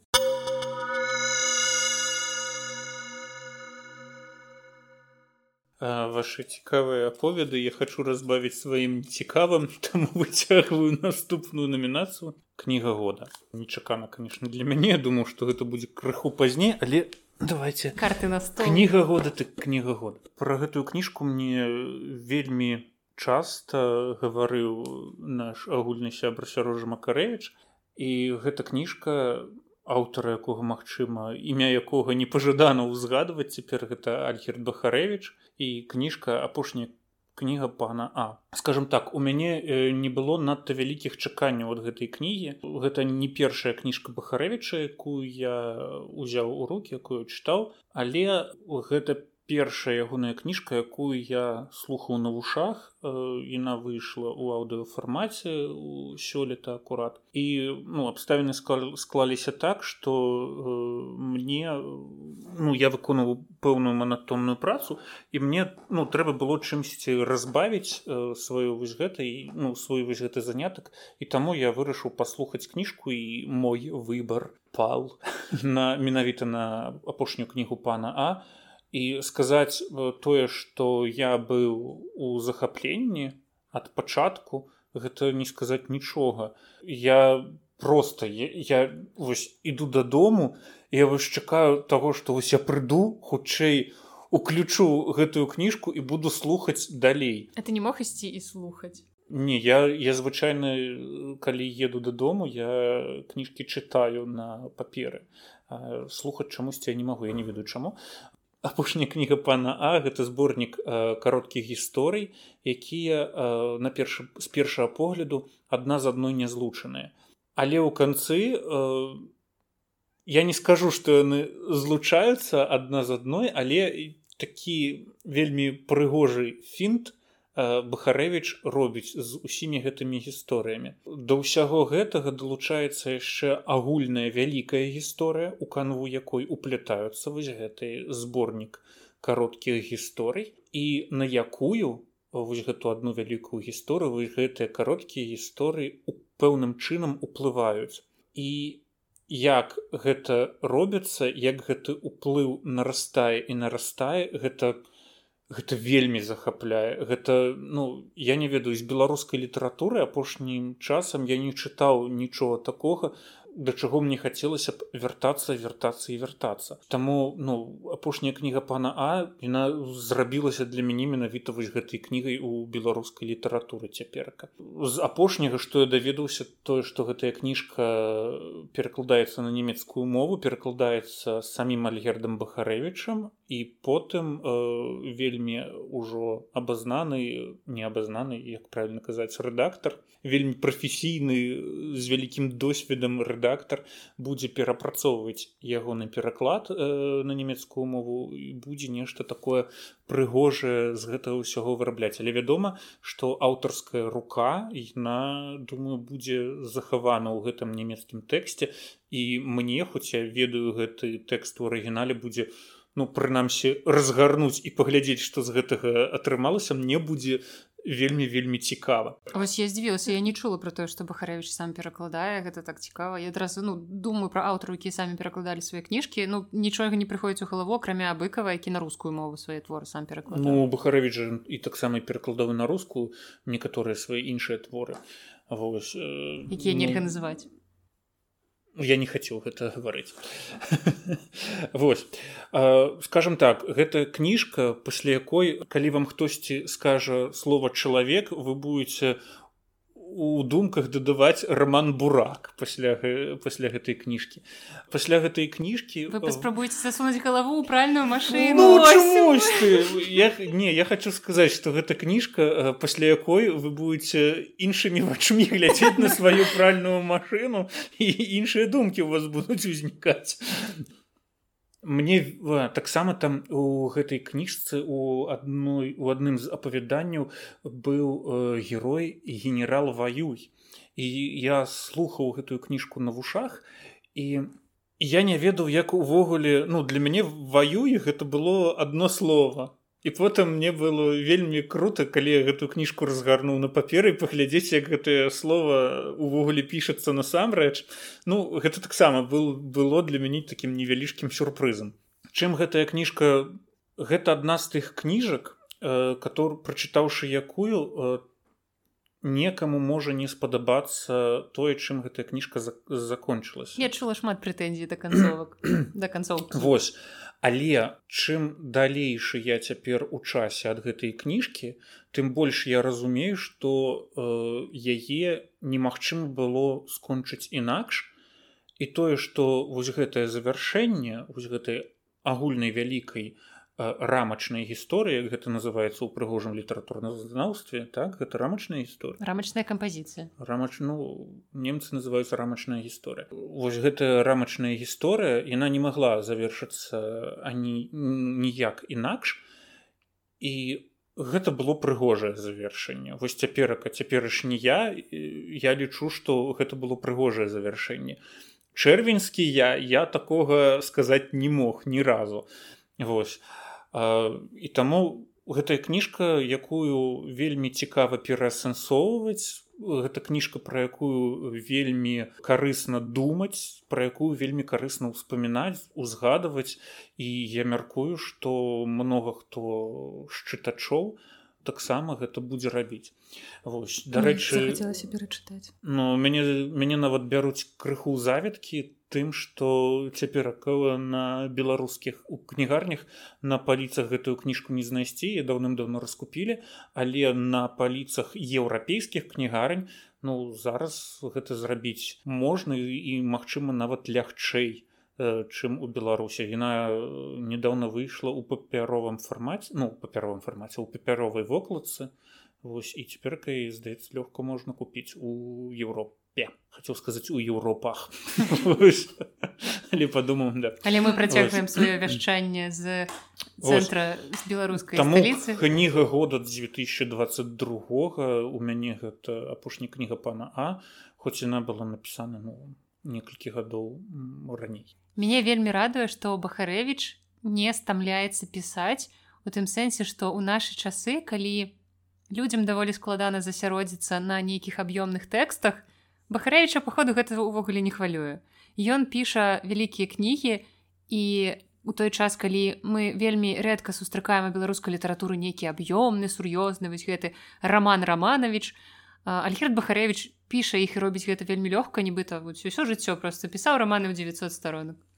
Вось ты зараз скажаш слово роман роман а мне хочется роман бурак. роман бурак роман бурак гэта настолькі такая крутая кніжка что вось ну так паўплывала на цябе Магчыма гэта Магчыма гэта шизофрэнія але ну штосьці не тое сам А яшчэ там штосьці было пра стаматалогію і пра зубы і пра нейкае было было. У меня ж на сэрцы крыві аблівалася які там круты эпізод пра мёртвых у душы таксама просто я не веду я я гэта гэта чытаў альбо слухаў я зараз не прыгадаю дакладна але блин ну офігенскі сюжэт офігенска выбудаваная кампазіцыя. Просто ну шыкоўна шыкоўна. Тому... вельмі захапляе калі ён у сваіх творах робіць гэтую такую нейкую шалёную нотку не ведаю вось гэтае шаленство уводзіць ну кшталту як з той жа пральнай машыны ты думаешь такі ну блин вот я зараз прачытала мяне гэта вельмі ўразіла і я хочу паспрабаваць засунуць галаву ў пральную машыну і пасля ты пачынаеш думаць а калі я пра гэта скажу іншым людзям не палічыць я на мяне вар'я вось гэтая мяжа такая тонкая яна такая прывабная яна такая вось не ведаю салобароная і так. что я хочу сказаць вось ты узгадала зараз сказала слово шаленства нарэшце она прагучала. З кожнай у кожнай кнізе у бухарэвіча шаленства рознае А тут ён э, звяртаецца да шаленства сюжэтнага. Я просто здзіўляўся, як ён лёгка выкідывае з рукавоў з кішэняў усе вось гэтыя афігенскія крутыя сюжэты, як ён э, аддае гэта там я не веду на апавяданне там э, якое там ну две-тры старонкі, А сюжэт можна там раскруціць на паўнавартасны раман і гэта будзе неверагодна круто але вось ён выкінуў гэты сюжэт дзеля там двух сторонок дзвюх сторонок ён не пашкадаваў гэтага і паехалі далей. І наступны сюжэт таксама такі круцецкі что мама не гаруй. Таму ну я не ведаю мяне гэта вельмі вельмі захапіла і гэта трэба прызнаць было нечакана э, для мяне ад бахарэвича тому что ну ён звычайна развівае які-небудзь адзін сюжэт а тут зараз вось вельмі вельмі шчодра. а Таму ну, не ведаю. Я магу толькі шмат разоў параіць гэтую кніжку і я упэўнены што яна шмат каму прынясе бязмерную дозу асалоды і эндарфінаў эндарфінаў і що там было? Гастранамічнага ананізму і гэтага таксама гэты выпуск баюся ставіць давядзецца 18 плюс. І ладно давайте цяпер шчырае прызнанне хто з вас усё ж таки сунуў галаву у пральную машыну не гэта хочацца прыхаваць гэта на хай гэта застанецца паміж мной yeah. і маёй пральнай машыны все что адбывалася ў ванны застаецца ў ваннай не мне здаецца просто так. гэта такі момант калі хочацца пакінуць гэта няспраўджаным каб я на цябе гарэла каб мара заставалася так. марай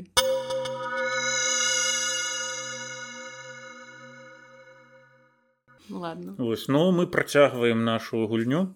Я цягну что я выцягваю расчараванне ну пагналі праўду матку прама ў вочы быў цікавы акцэнт насамрэч я, я сам здзівіўся пачаў і потым такі кажу і тому трэба мяняць трэба мяняць сёлета маёй кнігай расчараваннем была кніга якая ў мяне не выклікала нейкіх ну таких радыкальна негатыўных эмоцый мне не хацелася яе там выкінуць э, разарваць таму што я чытала яе ў электронным выглядзе А і расчараванне года гэта ў нас было конь года кніжка якая подсадзіла тебе на коня ну, яна... выклікала нейкія ну такія адмоўныя эмоцыі. Так таму што гэта аказалася кніга не з таго разраду што чаканні там мае не супалі з рэальнасцю.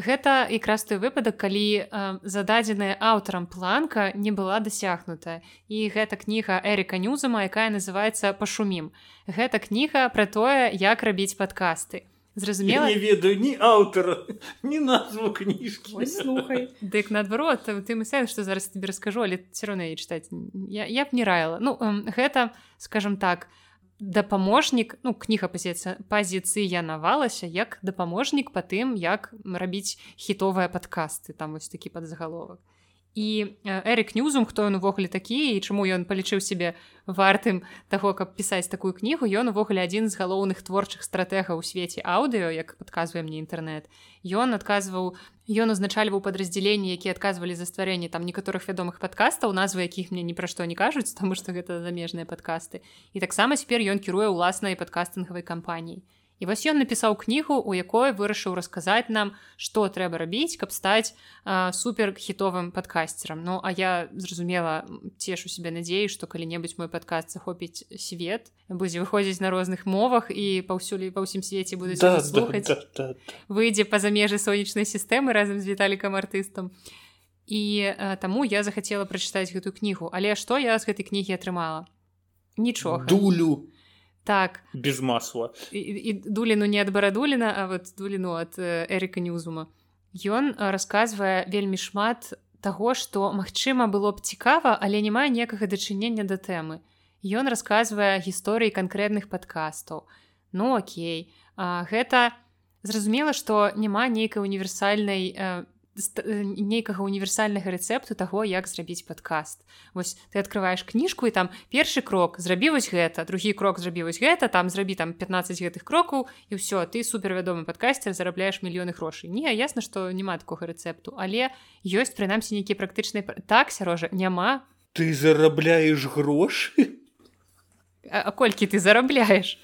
І а, я чакала трошки больш мабыць практычных парад чым нейкіх эм, гістарычных даведак пра канкрэтныя падкасты якія да таго ж мне невядомыя. Мачыма яны ну сусветна вядомы але вось такія не абазнаны ў сусветных падкастах чалавек. І магчыма у гэтай кнізе ён хутчэй робіць упор на падкасты якія выглядаюць як інтэрв'ю То бок э, калі ёсць вядучы, які кожны раз запрашае да сябе ў выпуск нейкага новага госця і з ім размаўляе. І таму, мабыць, 70соткаў гэтай кнігі складаліся з парадаў пра тое, як весці інтэрв'ю. Я не ведаю, якое дачыненне гэта мае да падкастынгу, бо мне здаецца, што гэта не такі вялікі адсотак падкастаў, якія ёсць у свеце падкасту выглядзе інтэрв'ю напрыклад у мяне часам бываюць запрошаныя госці але ўсё роўна нашы выпускі не выглядаюць як інтэрв'ю. Гэта хутчэй проста размова на тэму дзе там разумны чалавек дзеліцца са мной нейкім сваім літаратурным досведам. Сярожа я раблю гэта. Камплімент у твой бок. Шо, да? ага, шо, Вось і таму мне праўда інсінуацыі брудныя і э, мне хацелася б все ж такі больш даведацца пра падкасты а не пра інтэрв'ю і вось адзінай карыснай часткай якая была ў гэтай кнізе гэта апошняя частка дзе аўтар расказвае пра гісторыю падкастынгу я ніколі спецыяльна не шукала гэтую інфармацыю. Я у агульных рысах ведала адкуль гэта ўзнікла чаму гэта так называецца у якім годзе. Але ён даволі падрабязна расказаў пра ўсё гэта. Вось гэта было цікава хаця зноў жа кажу я не дзеля гэтага брала гэтую кнігу. Я хацела карысных нейкіх парадаў але я нічога з гэтага не атрымала і таму кніга мяне расчаравала даволі моцна я б сказала так і мабыць гэта ўсё што я б хацела сказаць пра гэту кнігу тому што яна не выбесела мяне я не паставіла ёй адзнаку нізкую я паставіла ёй тры з 5 гэта такая нейтральная адзнака што магчыма гэтая кніга больш прыдатная для амерыканскага рынку падкастынга а не для беларускага і я так кажу беларускі рынок падкастынгу нібыта ён існуе недзе ў свеце заплакалі тыя тры з паловай няшчасныя беларускія падкастеры хаця мне здаецца што за апошні час у нас з'явілася даволі шмат новых падкастаў напрыклад хвілінка рэкламы калі вы яшчэ не чулі то у нас ты у другой насты не ў мяне таксама з'явіўся свой асобны падкаст і я вельмі раю вам гэты падкаст. Ён называется лягчэй і гэта падкаст з медытацыямі. У гэтым падкасці вы можете знайсці кароткія медытацыі на кожны дзень, якія дапамогуць вам зрабіць гэты час непросты сапраўды трошачки лягчэй. І ўвогуле гэта проста прыемна, калі наста сваім голасам аксамітным нешта гаворыць вам у вушы. Я зачырванелася і Ну я адразу падумаў у нас дома кажуць нас дома кажуць лягчыць парасят.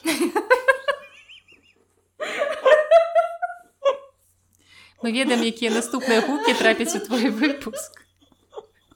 Что гэта значыць лечыць кастрыраванька займальнай інфармацыі карацей слухайце падказ насты лягчэй і вам зробіцца лягчэй але на жаль з яго вы не даведаецеся пра тое як лягчыць парася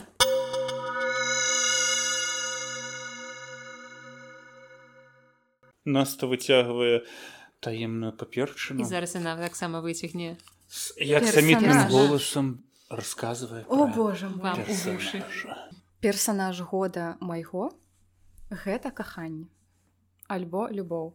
Вось гэта паварот тры. Ровар каханне і дачакаемся яшчэ што будзе цябе у цябе. все банальна у мяне просто чалавек. Ну, гэта паварот тры ты сказала першы які быў?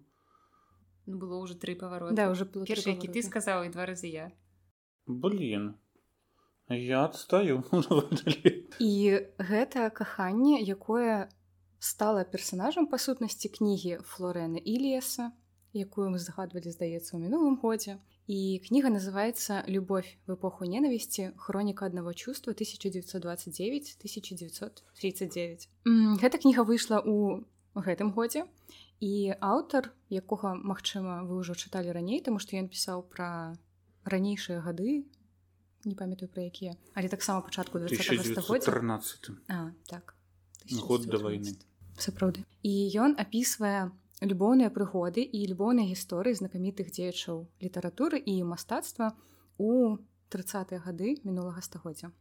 Гэта час калі ў германії да ўлады прыйшлі нацыянал-сацыялісты і пачаўся пераслед яўрэяў то бок можна трошачки ўявіць увогуле напружанне якое лётала у паветры тыя пераследы якія адбываліся гвалту дачыненні да людзей і ўсё тое што мела месца. так вось гэты гістарычны кантэкст. І магчыма менавіта на фоне вось гэтага кантрасту калі час быў насычаны гвалтам то можа быць таму і любоў альбо каханне там ну ў залежнасці ад таксама нейкага кантэксту свайго асабістага выйшла на першы план. Таму што на вось гэтым кантрасце такая вельмі вельмі банальная думка калі любоў становіцца нейкім сэнсуутваральным вобразам і не скажу тут нічога новага таму што мы гэта ў прынцыпе ведалі.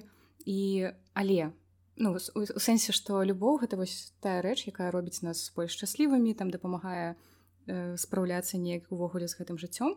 Але нават вось гэты год мне здаецца што ўсё роўна значна глыбей паказаў нам гэтую тэму і я думаю што многія з нас пераасэнсавалі нават тое што мы і быццам бы разумелі раней але ўсё роўна паглядзелі на гэта з іншага боку. У самой кнізе ілес дае і шмат цытат напрыклад з лістоў якія пісалі людзі адно аднаму і расказвае пра раманы і стасункі, якія былі паміж імі.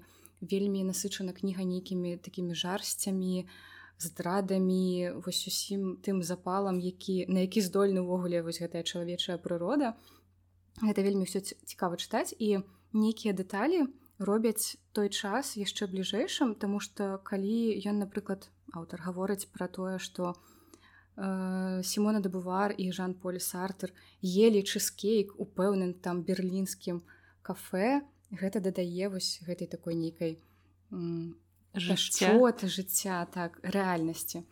Альбо напрыклад было цікава пачытаць што генры міллер займаўся астрано астралогіяй і ён рабіў прагнозы і калі ён даведаўся што вось па гэтых прагнозах выяўляецца нібыта гітлер перажыве яго то ён кідае займацца астралогіяй. Мне здаецца такое ну, класна. цікавае. Ну, может быть там что тропік рака тропік казярога ну, гэта мае пэўна так я думаю что мае. Ну вас так цяпер гэта нашмат па-іншаму. успрымаецца да ты адразу глядзіш іншымі вачыма на гэта на назвы твору прикольно жыццё ніколі не будзе ранейшым і напрыклад як ён зноў жа аўтар згадвае пра рэмарка маўляў просто адным радком А што ж там у рэмарка на сардэчным фронте без перамен ну, вось ён робіць такія пэўныя спасылачкі гэта вельмі цікава чытаецца вельмі лёгка і ты разумееш наколькі жыццё ўсё роўна перамагае гвалт наколькі людзі працягваюць жыць працягваюць рабіць тое што яны могуць рабіць нават у самыя найгоршыя часы Таму што зноў жа банальная думка вось у такія часы мы і праяўляем Мабыць найбольш пяшчоты найбольш святла і найбольш любові. Таму... гэта дарэчы таксама кніга якая можа быць падтрымкай. Так, так. я адразу захацела яе прачытаць. Я ну я збіралася яе прачытаць але мне здаецца што я возьму яе ўжо сёння заўтра Я калі е ўбачыла... мы ніколі больш не прыбусім сярожу чытаць іліса яна была тваім расчараваннем іншая кніга іліса летась была тваім расчараваннем наўрад ці калі-небудзь яшчэ вярнуся да гэтага аўтара Магчыма справа ў перакладзе але мне не спадабаўся падыход 1913 года вось гэты дзве кніжкі і ну я не ведаю ці будзе мне цікава чытаць вось гэта 1936 Дарэчы ты чытала абедзве кнігі я что не, я ты не читала першую не читала ага, я, я читала думала... толькі ўрыўкі абзацы. У іх вельмі падобны стыль пазнавальны ён вось такім жа стылем як ён пісаў ну, табе дакладна не спадабаецца мне дакладна мне спад... мне мне хацелася чытаць асобныя біяграфіі не вельмі хацелася прачытаць біяграфію томаса мана напрыклад а дарэчы гэта не томаса мана выходзіць біяграфія колма тойбіна пісьменніка які напісаў бруклін волшебнік так волшебнік ну, сама наш біяграфія так это біяграфія тома самана здаецца толькі той прамежак калі ён быў у венецы і нешта вось он по-руску выйшаў акурат нядаўна і нешта не хваліць яго я не чула проста водку я чула про то что гэта кніга выходзіць і ну гэта цікавая тэма паколькі ну прынамсі блогера якім я давяраю яны не вельмі раюць гэтую кніжку чытаць ім не вельмі спадабалася ну блин я ўсё ж таки лічу что томас у томаса мана даволі такая цікавая і вельмі такая насычаная падзеямі а таксама яго перажываннямі біяграфія. Про гэта таксама згадваецца ў кнізе.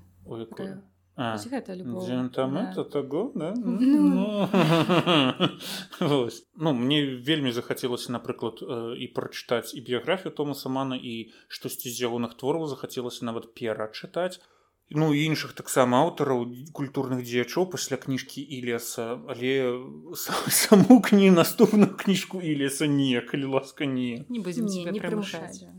каб у наступным ходзе зноў не пачуць яго імя ўжо ў расчараваннях тваіх сноў.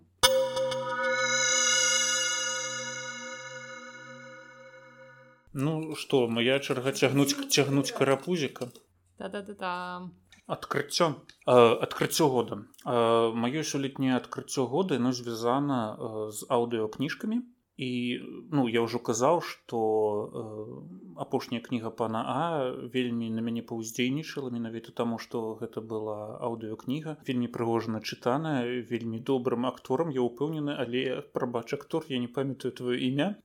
Ну трэба адразу сказаць што сёлетні год як ніякі іншы то вельмі спрыяльны для развіцця беларускага аўдіобукізму альбо як гэта называць я не ведаю аўдыобукінгу Ну тут трэба канешне сказаць што ў нас з'явілася некалькі прыгожых ініцыятыў. Аўдіобукс кропка бай кніжны воз якія яшчэ там таксама некаторыя людзі самі пачынаюць записывать свае начытаныя аўдыокніжкі і я лічу што нам трэба больш і больш такого контенту. І нават я пачынаю лавіць сябе на думцы што друкаваныя кніжкі цяперашнія беларускія яны не паспяваюць за тым што робяць аўдыобукінг але моя маё адкрыццё сёлетняго года гэта хутчэй пераадкрыццё і яно ніякім чынам не звязанае з беларускім аўдыобукінгам ёсць да чаго імкнуцца нам. І гэта кніжка ніла геймана пясочны чалавек гэта графічны роман я яго не дачытаў пакуль што до конца я прачытаў здаецца 6 тамоў з 10 Таму што гэта вельмі прыгожая напісана. І я вельмі прыгожа напісаная гісторыя якую я заўсёды на лепшыя часы адсоўваю ўсё далей і далей каб зноў вярнуцца до гэтага вельмі крутога сусвету. Гэты графічны роман такога разраду які чытаць у графічным э, фармаце даволі складана. Таму что па-першае ён быў напісаны э, канец 80-х э, пачатак 90-х гадоў. І э, там такая вельмі спецыфічная манера падачы што малюнку што вось гэтых пузыроў э, размоваў, там вельмі шмат слаёў у гэтым графічным рамане. Я не магу назваць гэта коміксам тому что праз сваю вось гэту увагу праз свой вось гэты э, сэнс які там закладзены ну, гэта немагчыма параўноўваць з чалавекам павуком ці з якім-небудзь іншым бэтманам там вельмі вельмі шмат алюзій на э, культуру э, людскую. на пачынаючы на музыку на літаратуру канешне э, на ўсё што заўгодна.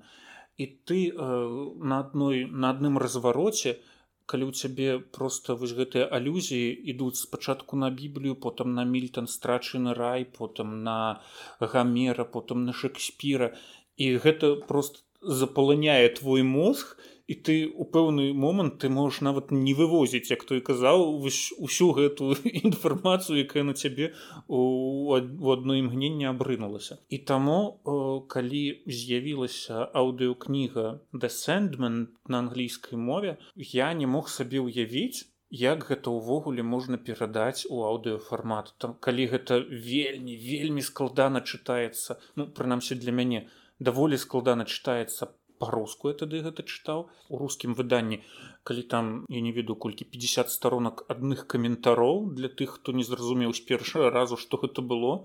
Як гэта цяперака перадаць усё ў аўдыофармат калі ты ну, як ты любіш просто ісці слухаць кніжку так спакойна разняволена ну для мяне гэта было цалкам немагчыма. І вось у адзін цудоўны дзень гэта версія з'явілася у на нямецкай мове і я вырашыў спрабаваць і я зноў я зноў патануў і я быў у лютым захапленні як вось у свой час быў захапленне ад графічнага раману і тут я быў у захапленні ад гэтай адаптацыі як гэта ўсё было зроблена гэта было просто неймаверна усе вось гэтыя гісторыі караценькія якія як бы под гісторыі невялічкія і потым яны складаюць усё вось гэтае вялікае палотнішча за сэнманускае яно настолькі круто перададзена. Вось гэта колькасць акцёраў якія начыталі э, гэтую кніжку колькасць славутых акцёраў э, ну нямецкамоўнага аўдіобукінгу яно зашкалівае. Просто там э,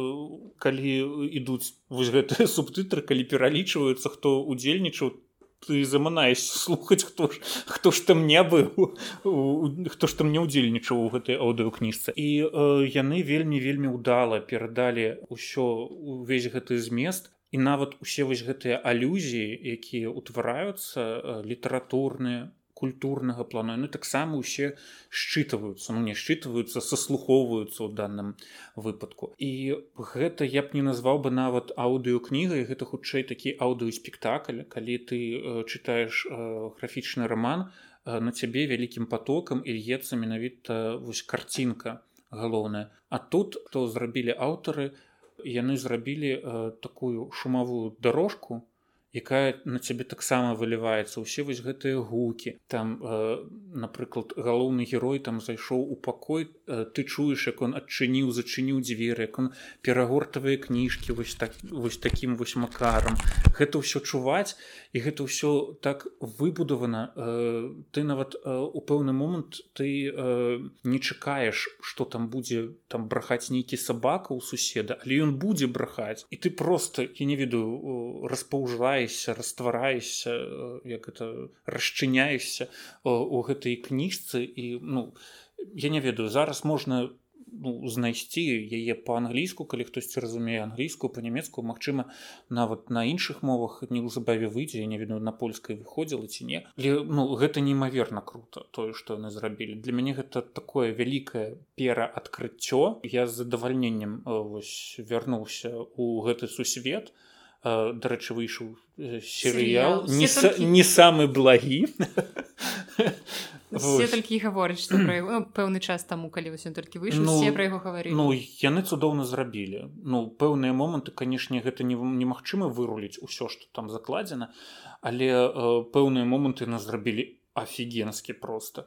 Э, Мачыма э, тут канешне паспрыяла тое што ніл гейман аўтар быў задзейнічаны у гэтым серыяле і пэўныя моманты яны просто не прайшлі менавіта праз яго ў тым варыянце які быў задуманы напрыклад рэжысёрам ці кім іншым. Але э, ніл гейман за сэндман альбо я не ведаю гэта на іншых мовах будзе гучаць э, гэта гэта вельмі круто у аўдыофармаце гэта колькі тры кнігі гісторыя завершаная ну тры кнігі аўдыо і ну я пакуль што праслухаў толькі адну і я таксама ну не ведаю мне трэба вяртацца да гэта ўсяго каб каб нарэшце перастаць адсоўваць вось гэтую сваю асалоду чытання ўсё далей далей. Лепшыя часы зараз. Дарэчы у вас ёсць такое што нейкія кнігі якія вы вельмі хочаце прачытаць і вы збольшага дакладна ўпэўненыя што яны вам спадабаюцца вы іх адкладваеце і не чытаеце зараз? Mm -mm ты все чыт ну ты ты дзейнічаеш згодна я... з прынцыпам лепшая зараз. Ну про гэта я раскажу пазней. Я просто не думаю что ёсць нейкія кнігі для мяне гэта заўсёды адкрыццё Ну, бок я не чакаю што нешта мне спадабаецца я зайздрошчу Таму што у мяне я так адкладваю часам кнігі напрыклад вальтера мёрса. Так яна ляжыць у мяне на паліцыі глядзець на мяне сумнымі вачыма і хутка яна будзе прыходзіць да мяне ў сне і голасам сярожы казаць прачытай мяне Не, ну не будет тебе говорить такие слова, там будет. Мерзавка. Давай. на мяне задушыць урэшце рэшт не здаецца але вот так бывае что напрыклад у калі у майго любімага аўтара якога-небудзь Джон ірвинг гэта маё галоўнае фэйл гэтага года. Я э, марыла прачытаць усе кнігі які у мяне ёсць у наяўнасці Джона ірвинга адгадайце колькі прачытала я. 17 17 мінус 17 гэта ну я прачытала палову адной кнігі. і ну такі год выйшаў так. Але э, я адкладваю многія кнігі просто таму што я думаю што вось у мяне не будзе дрэнна я ведаю што я возьму гэтую кнігу она дакладна мне спадабаецца і все будзе класна але мне падабаецца гэта што лепшая зараз вось гэты трэба зрабіць гэта сваім жыццёвым я зразумела што вось калі б ну я, я дакладна могу сказаць што я б чакала кнігі бахарэвіча я б не адкладвала гэта то бок мне хацелася б гэта як мага хутчэй хутчэй хутчэй я хочу задаць что... такое вераломнае і каварнае пытанне вось глядзі наста. На краю расколіны з аднаго боку стаіць Джон ірвин вось вось упадзе і разаб'ецца насмерць а з другога боку таксама упадзе і разаб'ецца насмерць стаіць віталь рыжкоў какое вырату каго ты пабяжыш артаваць ну рыжкова відавочна тому что рыжкова маладзейшы за ірвинга ірвин старэйшы. Дзесьці заплакаў адзінокі Джон ірвинг ты думаў што я выратую ірвинга я, я нічога не думаў. Гэта было каварнае падступнае пытанне. расколінамі паміж берагамі гэтых расколінаў?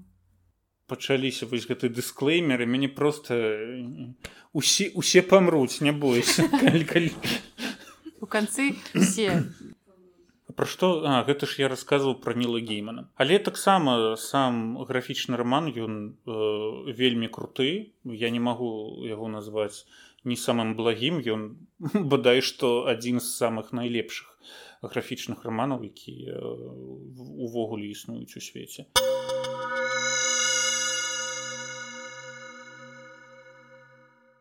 Крочым далей. Выбраў ўсё меней і меней кніга года. Нарэшце прыйшоў і мой час і сёння за сум і дэпрэсію ў гэтым падкасці адказваю я як і папярэднія 73 выпускі. І сёння я раскажу пра кнігу года якое для мяне стала такая штука як інфініці джест або у рускім перакладзе бесканечная шутка дэвіда фостера уолеса Я думаю што калі вы не чыталі гэтую кнігу я ўпэўненая што 99,9соткаў людзей якія мяне зараз слухаюць яе наўрад ці чыталі наўрад ці будуць. Але я магу толькі сказаць вам што дарэмна.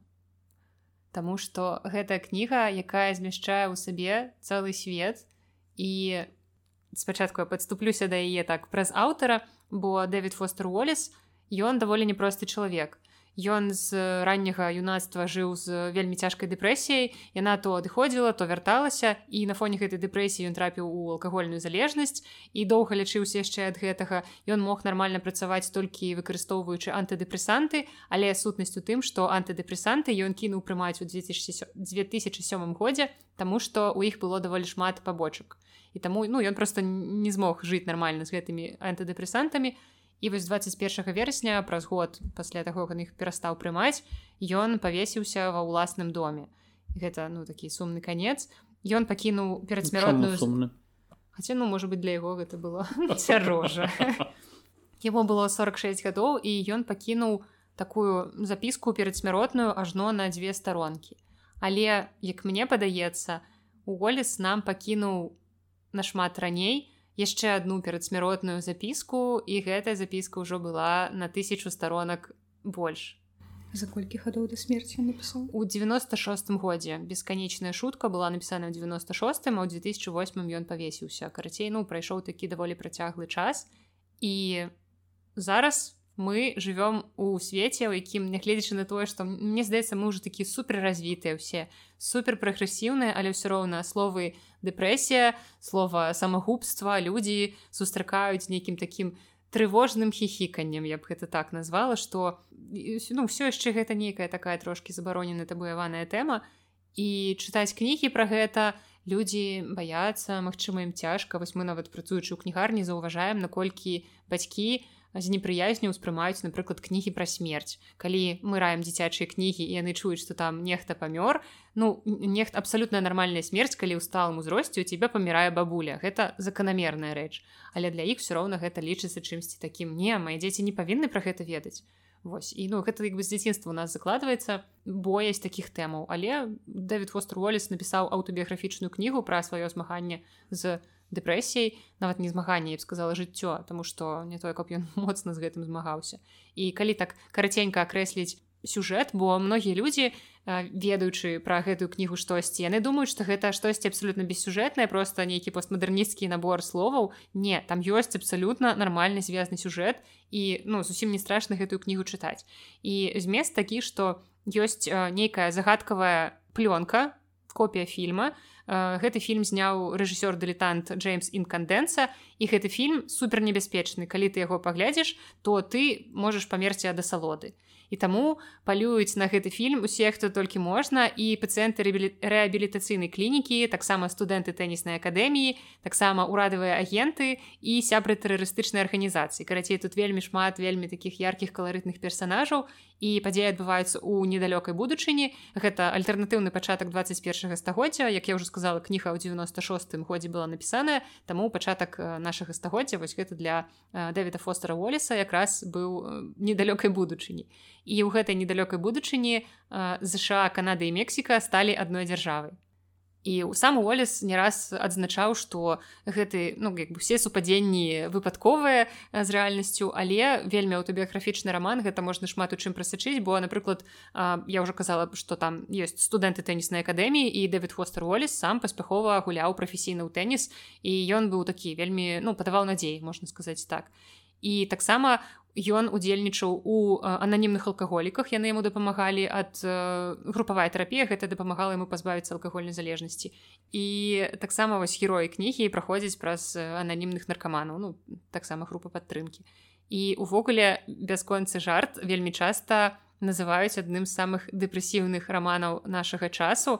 Але рэч у тым што гэтая кніга не сумная яна смешная там вельмі яна вельмі смешная на стылістычна вынаходлівая там вельмі шмат у жартаў там вельмі шмат нейкіх цікавых знаходак метафор і усяго таго што не сустрэнеш у нейкай супердэпрэсіўнай кнізе. І праблемы з чытаннем гэтай кнігі ўзнікаюць зусім не таму што яна нейкая дэпрэсіўная. Наадварот ну нікога мне здаецца яшчэ не, не было людзей каб упалі ў дэпрэсію пасля чытання гэтай кнігі. Але гэта той раман які для мяне стаў таксама і тэрапіяй. Яна трапіла да мяне ў вельмі важны час. і і хоць мне хочется дадаць што гэтыя праблемы не былі звязаныя з маім знаходжаннем санаторый прафілакторыя то зараз могуць мне здаецца людзі вывесці нейкі лагічны ланцужок. Не яго няма вось гэта абсалютна іншыя не звязаныя паміж сабой рэчы але бесканечная шутка стала такім ратаваннем яна даволі аб'ёмная па-першае на фарматам большая чым звычайная кніжка і там 1300 недзе старонак ну такі нармальная Мабыць гэта самая вялікая кніжка якую я калі-небудзь чытала ў жыцці самая аб'ёмная хотя мне здаецца оно кінга так не может быть яна меншая там тысячаноўваць трэба параўноўваць так. Але ну вось гэта зараз у мяне ёсць сябар якому мы ўжо сёння перадавалі прывітанне алесь які чытаў гэтую кнігу калі не памыляюся чатыры разы. І ён цяпер хоча ён убачыў польскія выданні у польскіх выданняў дарэчы просто неверагодныя вокладкі і ён цяпер хоча прачытаць яе яшчэ і па-польску і ну гэта яго любімая кніга. І у мяне я не магу сказаць што яна трапіла ў спіс маіх любімых кніг увогуле але я кніга якая зрабіла гэты год гэта дакладна яна. Я вельмі рады што я нарэшце да яе падступілася. Гэта кніга выйшла па-руску ўжо колькі гадоў? Гады тры-чатыры недзе так. І нарэшце я ее прачытаю я купила тады ж адразу яна ляжала ў мяне на паліцыі я чакала што яна пад паўзе ноччу мяне задушыць Ну вось у мяне акурат такая ж гісторыя купіў у першых шэрагах магчыма але вось яна ў мяне стаіць на паліцыі і я да я зразумеў што я, што я да не падступлюся у мяне просто знік інтарэс да гэтай кніжкі і не ведаю чаму я там пачынаў чытаць у электронным фармаце але мне, мне было так даволі цікава але нейкія іншыя кніжкі адцягнулі ўвагу а зараз мне просто ну не цікава гэта ўсё. Таму я хутчэй за ўсё развітаюся з гэтай кніжкай і мы нашыя шляхі разыйдуцца назаўсёды. Можа ну і добра што ты не прачытаеш і потым не негатыўных вот не ну прачытаю штосьці іншае. Ну, а пытанне што цяжэйшае для цябе э, бясконцы жарці у ліс Джойса? Мне падаецца што гэта розны ўзровень цяжкасці. Я чытала абедзве кнігі і магу сказаць што бясконцы жарт то цяжэйшы у эмацыянальным плане асабліва калі гэта тое што табе блізка і тое праз што ты сам праходзіў. У ліс хутчэй больш цяжкі ў інтэлектуальным плане Таму што канешне ж калі ты чытаеш бясконцы жар табе таксама ведаць трэба шмат рэчаў але там даволі шмат зносак і няма нейкіх такіх суперспецыяльных ведаў без якіх ты не можаш абысціся але для таго каб чытаць у ліса табе трэба нашмат больш падрыхтоўкі. Таму бясконцы жарт Э, стаў э, кнігай года а у ліс э, не трапляю спіс маіх любімых кніг і ну прачытала і прачытала. Я канешне магу сабой ганарыцца але гэта не тое пра што я расказваю людзям. Ну не ты... тая кніга ты бясконцы жарт будешь перачытваць я мяркую што хутчэй за ўсё так і прычым я хачу гэта зрабіць у арыгінале. Увогуле гэты год чым ён значны тым што я даволі шмат чытаю па-англійску. Хоць я прачытала не так шмат кніг у прынцыпе але многія з гэтых кніг я чытаю ў арыгінале па-англійску і гэта для мяне такое дасягненне вялікі прарыў я ганаруся сабою за гэта. Вы ганарыцеся мною так. І не толькі з-за таго што ты чытаеш па-англійску. Боже не толькі табой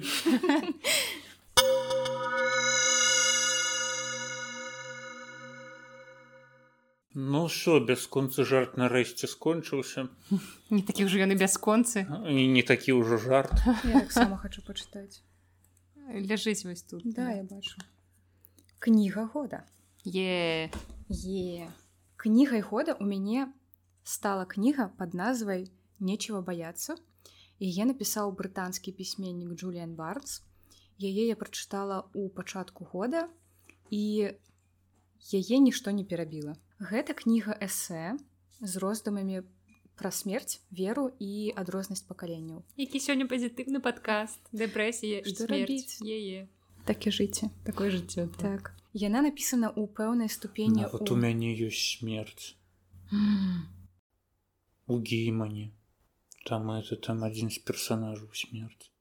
Ну гэта частка жыцця таму мы ўсе памром да. Нагадваю Дзякуй не пераставайце жыць не пераставайце жыць у дадзе так кожны дзень пра гэта думаю тут яшчэ і нагадваюць гэта першае што я пачуў ад нас ты першая фраза.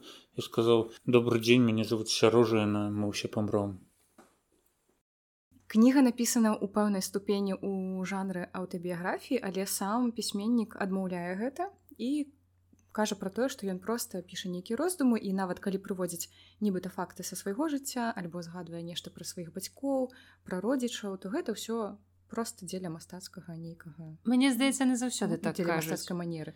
Давід фостеролес таксама адмаўляў што на аўтабіяграфічна пасля да пасля цяжкае жыццё цяжкае. Дык вось. канцы жыцця цябе чакае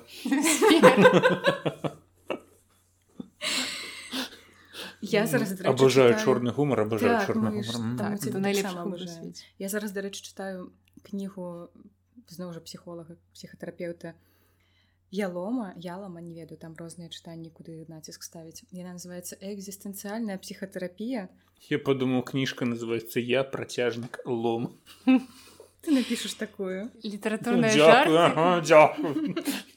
літаратурныя жарты якіх вы заслужылі дык вось у ялома у вельмі шмат пра вось гэтыя экзістэнцыйныя катэгорыі да якіх людзі пастаянна звяртаюцца цягам свайго жыцця. І гэта смерць гэта свабода гэта адзінота. Ну, вось гэта такія гранічныя рэчы пра якія мы Ты зараз апісала маё жыццё. Пра якія мы заўсёды нібыта мы і памятаем але у нас настолькі добра спрацоўваюць псіхалагічныя абароны што мы пра гэта забываем. Але ты рассказываешь я рассказываю пра Барнс, так.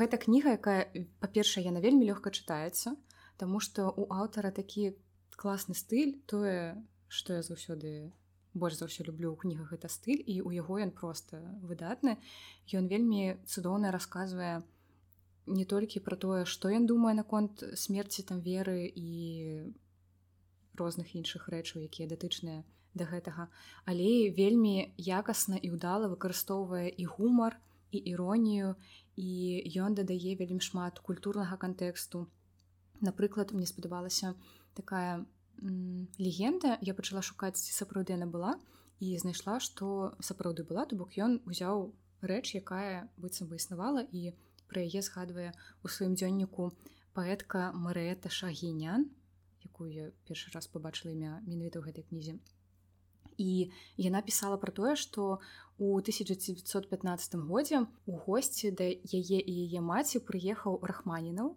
это кампазітар здаецца ж так так, так, что ты так да мяне глядзіш і яны размаўлялі вечарам пра всякое рознае і у адзін момант рахманінаў э, сказаў што ён баіцца смерці што для яго вось гэта такая тэма якую ён яму і падабаецца закранаць але страшна ну вось пачаліся ўсе гэтыя размовы. А тут э, на століку у гэты момант прысутнічалі фісташкі.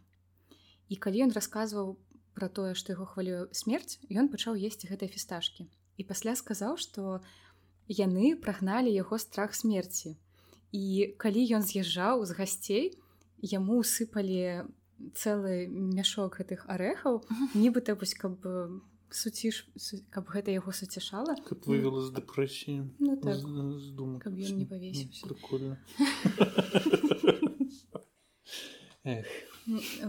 бы не дар вырызаць альбо напрыклад ён згадвае нейкія цытаты з таксама розных дзеячаў культуры аўтар барнс і кажа напрыклад про тое что трэба вельмі асцярожна і ціка ну, з цікаўнасцю падыходзіць да таго якую кнігу ты выбіраеш у падарожжу ў самалёт Таму што калі самалёт разаб'ецца цябе ж знойдуць вось менавіта з канкрэтнай кнігай і трэба каб людзі запомнілі што кніга была з табой менавіта такая і твой палец застаўся на такім-то абзацы і для тваіх нашчадкаў гэта стане такім вось нейкім эпічным момантам ну то бок ён гэта вельмі з іроніяй падае з такім пэўным сарказмам гэта вельмі класна але гэта для пісьменніка можа стаць важным момантам бо я згадваю гісторыю про тое як забойца Джона Ленана Марк чэпман сядзеў калі яго знайшлі пасля забойства ён сядзеў на бардзюры і чытаў кнігу над прорвай у жыце цэленджера і гэта ну такі даволі часта згадваемы факт про гэтую mm -hmm. кнігу кніжка страліла яшчэ раз у продажах mm -hmm. Так і ну тут сапраўды падняліся продажы і ён сказаў што гэтая кніга натхніла ну марк чэпман забойца Ленана што гэтая кніга натхніла яго на забойство. А вось кажуць камп'ютарныя гульні дрэнна на дзяцей уплываюць вы там праверце што вашыя дзеці чытаюць Мачыма іх на паліцы знойдзецца роман цэлленджера задумайцеся у мяне ёсць нават два выданні па-руску і па-англійску ну мяне па-англійску было. І і это макса немцова яшчэ пераклад ёсць у мяне гэта моя канешне гілці плэжа не то што гілці плэжа мне хочется ўрэшце рэшт паглядзець што ж там такого кепскага просто узгадывала про яго ж кніжку ў самалёце я сёлета як ляцеў я чытаў еву вежнавес mm. што ідзеш воўча я такі думаю блин, каб, каб самалёт разбіўся што пра мяне людзі падумалі ну ну што кепска беларусі і што кепскага што добрага ну ад таго што у апошнюю хвіліну свайго жыцця мой палец закладываў кніжку евы вежнавец і за каўнер калі я апошні раз ляцела ў самалёце ў 2019 годзе апошні мой у прынцыпе усе гэты пералёты якія тады здзяйсняла у тым годзе былі з адной той же кнігай але апошні быў з Берліна ў рыгу і гэта была кніга ларана біная французскага пісьменніка з прыгожай назвай HHH mm.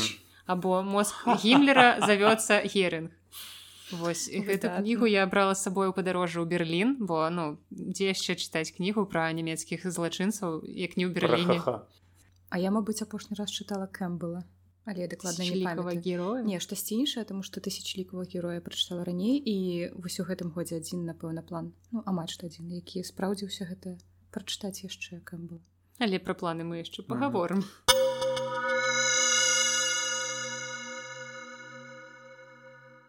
ты ты ўжо ўсё пра барнца просто вось я вас слухаю у вас столькі э, шмат розна нонфікшна такой карыснай літаратуры адзін я такі не, не ведаю літаратурнае быдло якое чытае мне просто напрыклад больш такое папулярнае папулярнае але ну вось зараз я вас расчарую сваім расчараваннем Вось э, летась калі мы рассказывалі пра свае планы у мяне ў планах было на прачытанне дзве эпапеі одна была фэнтэзі папеі стывена эриксона малазанская кніга павшых па-руску а другая была пупея вельмі славутага льва толстога вайна і мир і я адчувала что ты будзеш расказваць пра вайну і мір у мяне недзе у падсвядомасці ўсплыло гэтая такая будзеш пра беларускую расказваць хто табе сказаў у цябе была одна беларуская кніга ў спісе ты уже а, все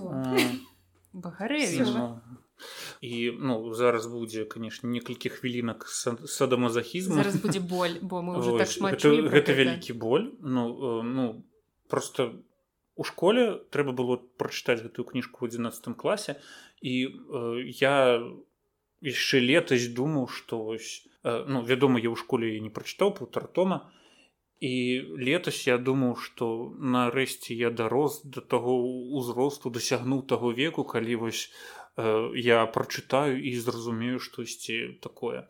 Але пасля лютага гэтага года я не ведаю ўзровень садамазахізму ад чытання гэтай кніжкі ўзрос нашмат болей. Першы гэта аб'ём і другое вось для мяне менавіта э, вялікім расчараваннем э, стала тое як гэта кніжка напісана і тое якія ідэі выдвінутыя я не ведаў наперад альбо пасярэдзіне альбо дзены там э, высоўваюцца. Э, мне гэта вельмі вельмі не спадабалася. Калі б гэта была гісторыя вось такі аля як это сямейная сага ну гэта яшчэ штосьці адно. Але калі э, тут табе пад вось гэтым вось фаршам сямейнай сагі пачынаюць прасоўваць і насаджваць пэўныя ценнасці вартасці пэўныя каштоўнасці гэта для мяне ну асабліва непрымальна асабліва сёлетнім годам. Асабліва тое аб чым вядзецца у гэтай кніжцы. І для, для мяне гэта была вялікая ступень садамазахізму я гэта слова все паўтараю паўтараю. Я шмат чытаю у транспарце і э, вайна і мір не стала таксама тут выняткам э, я, я чытаў там том томік за томікам я цягаў з сабой у трамваю метро. І людзі на мяне глядзелі вялікімі вачыма што я чытаю менавіта вось вайну і мір типа як бы ну было прыкольна назіраць вось гэты ўсе позіркі гэта адзін прыколу з гэтай кніжкай звязаны. Каб не быць галаслоўным ну для мяне напрыклад сталі вось некаторыя эпізоды просто беспаваротнымі пасля якіх я разумею што не гэтая кніжка гэта суцэльнае расчараванне.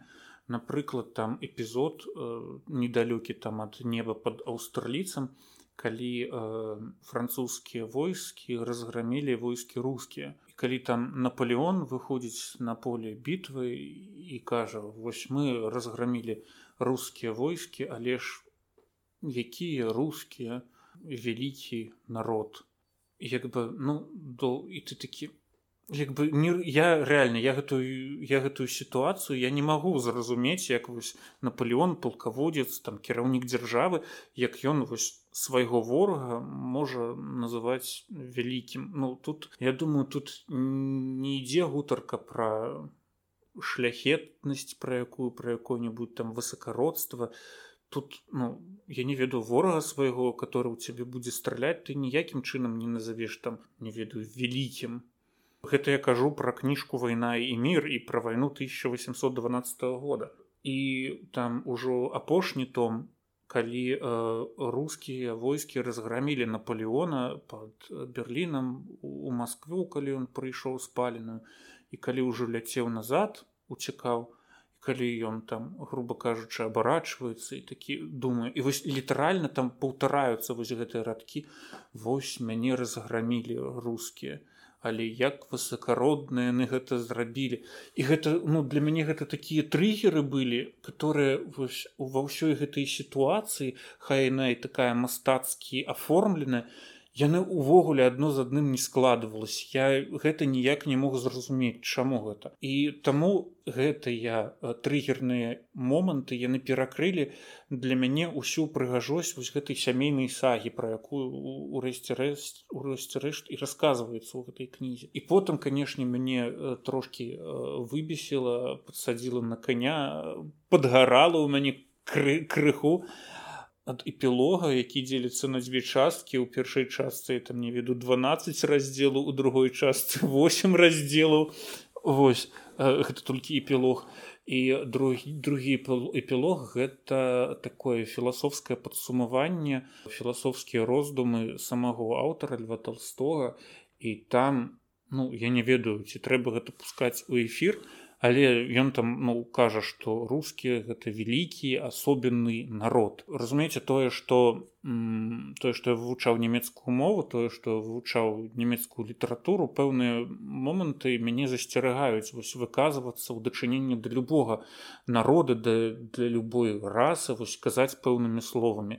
Калі мы так нават э, гаворам там у дачыненні гендеру дачыненні пола э, зараз вядзецца гутарка. Ну такое не выстаўляць кагосьці наперад ну гэта такое сабе. Нават э, успомніце вось гэты савецкі час калі усе казалі што все людзі равны калі казалі што там што рабочы што селянін у нас ва ўсіх роўныя правы. За савецкім часам неважна у якой рэспубліцы савецкай ты жыў беларускай у рсфсфр узбег узбек казах ну усе людзі ўсё адно роўнае. А тут кагосьці выпячваюць э, наперад. На вялікі жаль тут выпячваюць нацыю якая ну я не ведаю. Про гэта можа лепей не казаць. Ну, я, ну, я, я просто я не, не, не магу не ведаю. Я ну я гэтую кніжку прачытаў летом і я дагэтуль не магу ўсё вось гэта апрануць у словы каб гэта гучала прыгожа каб гэта гучала зразумела. Вось, таму ну для мяне вось гэтыя эпізоды яны былі вельмі цяжкія для ўспрымання.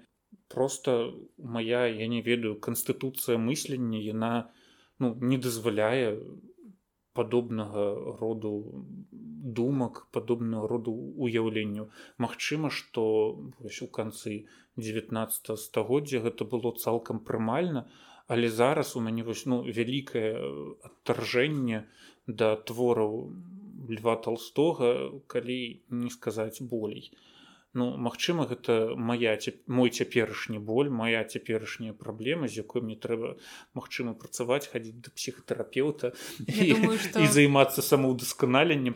Але мне будзе канешне вельмі вельмі цікава паглядзець на сябе вось гэтага праз 5 гадоў што ад гэтага ўсяго застанецца. Можа 5 малавата? 10 Мне б хацелася чтобы гэта увогуле было нават не 5 гадоў каб гэта было яшчэ нават і года как не прайшло.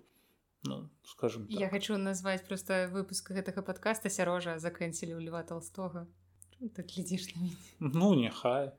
Вось. не ну але ну сказаць па шчырасці гэта было просто я не ведаю расчаравання нават маё леташняе расчараванне ў рускім фэнтэзі яно ну, ніякае параўнанне не становіцца побач са львом толстым і э, ягоным вайной і мірам Вось. Я не ведаю ці вярнуся калі-небудзь да яго яшчэ але ну гэта вось, выключна не маё і у мяне канешне такія вельмі адмоўныя эмоцыі на гэты тэкст выраслі з мяне і ну про тэкст ну тэкст можа казаць што заўгодна як і я про гэты тэкст таксама могу казаць што заўгодна.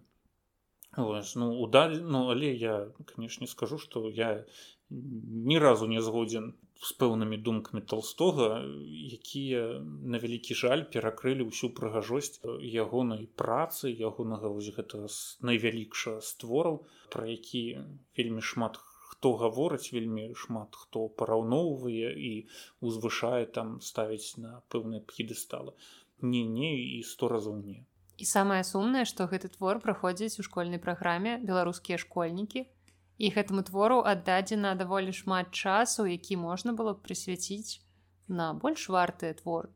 Ну для мяне вельмі канешне прыкра тое што беларускія школьнікі не чытаюць таго ж самага валадара мух не чытаюць таго ж самага валадара пярсцёнкаў Ну гэта лепей правадзіць я не ведаю аналогіі э, умець будаваць цяпер Ну вось гэтыя кніжкі як мне падаецца э, якія ну, за аснову беруць такія алюзіі канструкты э, канцэпты вялікія і ад якіх ты выбудоўваеш я не ведаю там сувязі да нашай рэчаіснасці которые як ніяк але развіваюць твоё мысленне развіваюць твой мозг чым ну вось гэта я не ведаю просто гісторыя у лоб. Вось там быў п'ер безухаў вось ён быў тоўсты тоўстым застаўся але як быў мудаком так мудаком і это вяплым. Так так піхні павалюся і як бы ну ну окей ты сочыш за тым як гэтыя персонажы развіваюцца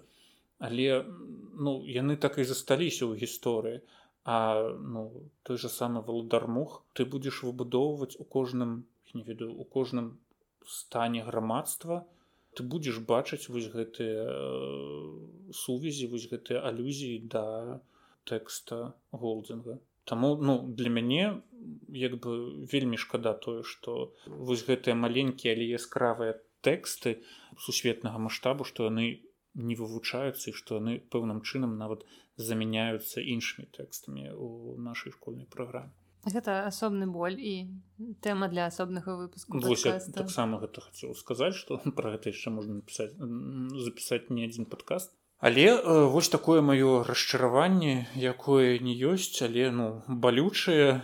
Ну з гэтым трэба жыць. І забыць як мага хутчэй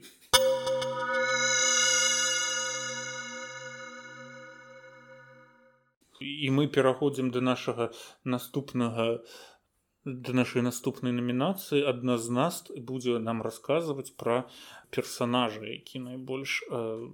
але перад тым як перайсці да персонажа я яшчэ хочу дадаць а, цытату бо вось я вам рассказывала пра кнігу Андрея любкі карбіт і а, сказала что там шмат шмат цікавага я б хацела гэта праілюстраваць тому что у мне здаецца что я ўжо ўсім навокал про гэту кніжку рассказала але мне здаецца что я рассказываю недастаткова каб заматываваць людзей чытаць і таму ну, давай давай. Так я хочу прачытаць э, пару цытат э, адсюль дарэчы тут ёсць статы пра велосіпед але я не буду чытаць яе. Вось першая. Зашибісь як это, як заінтрыгаваць ідыёты да?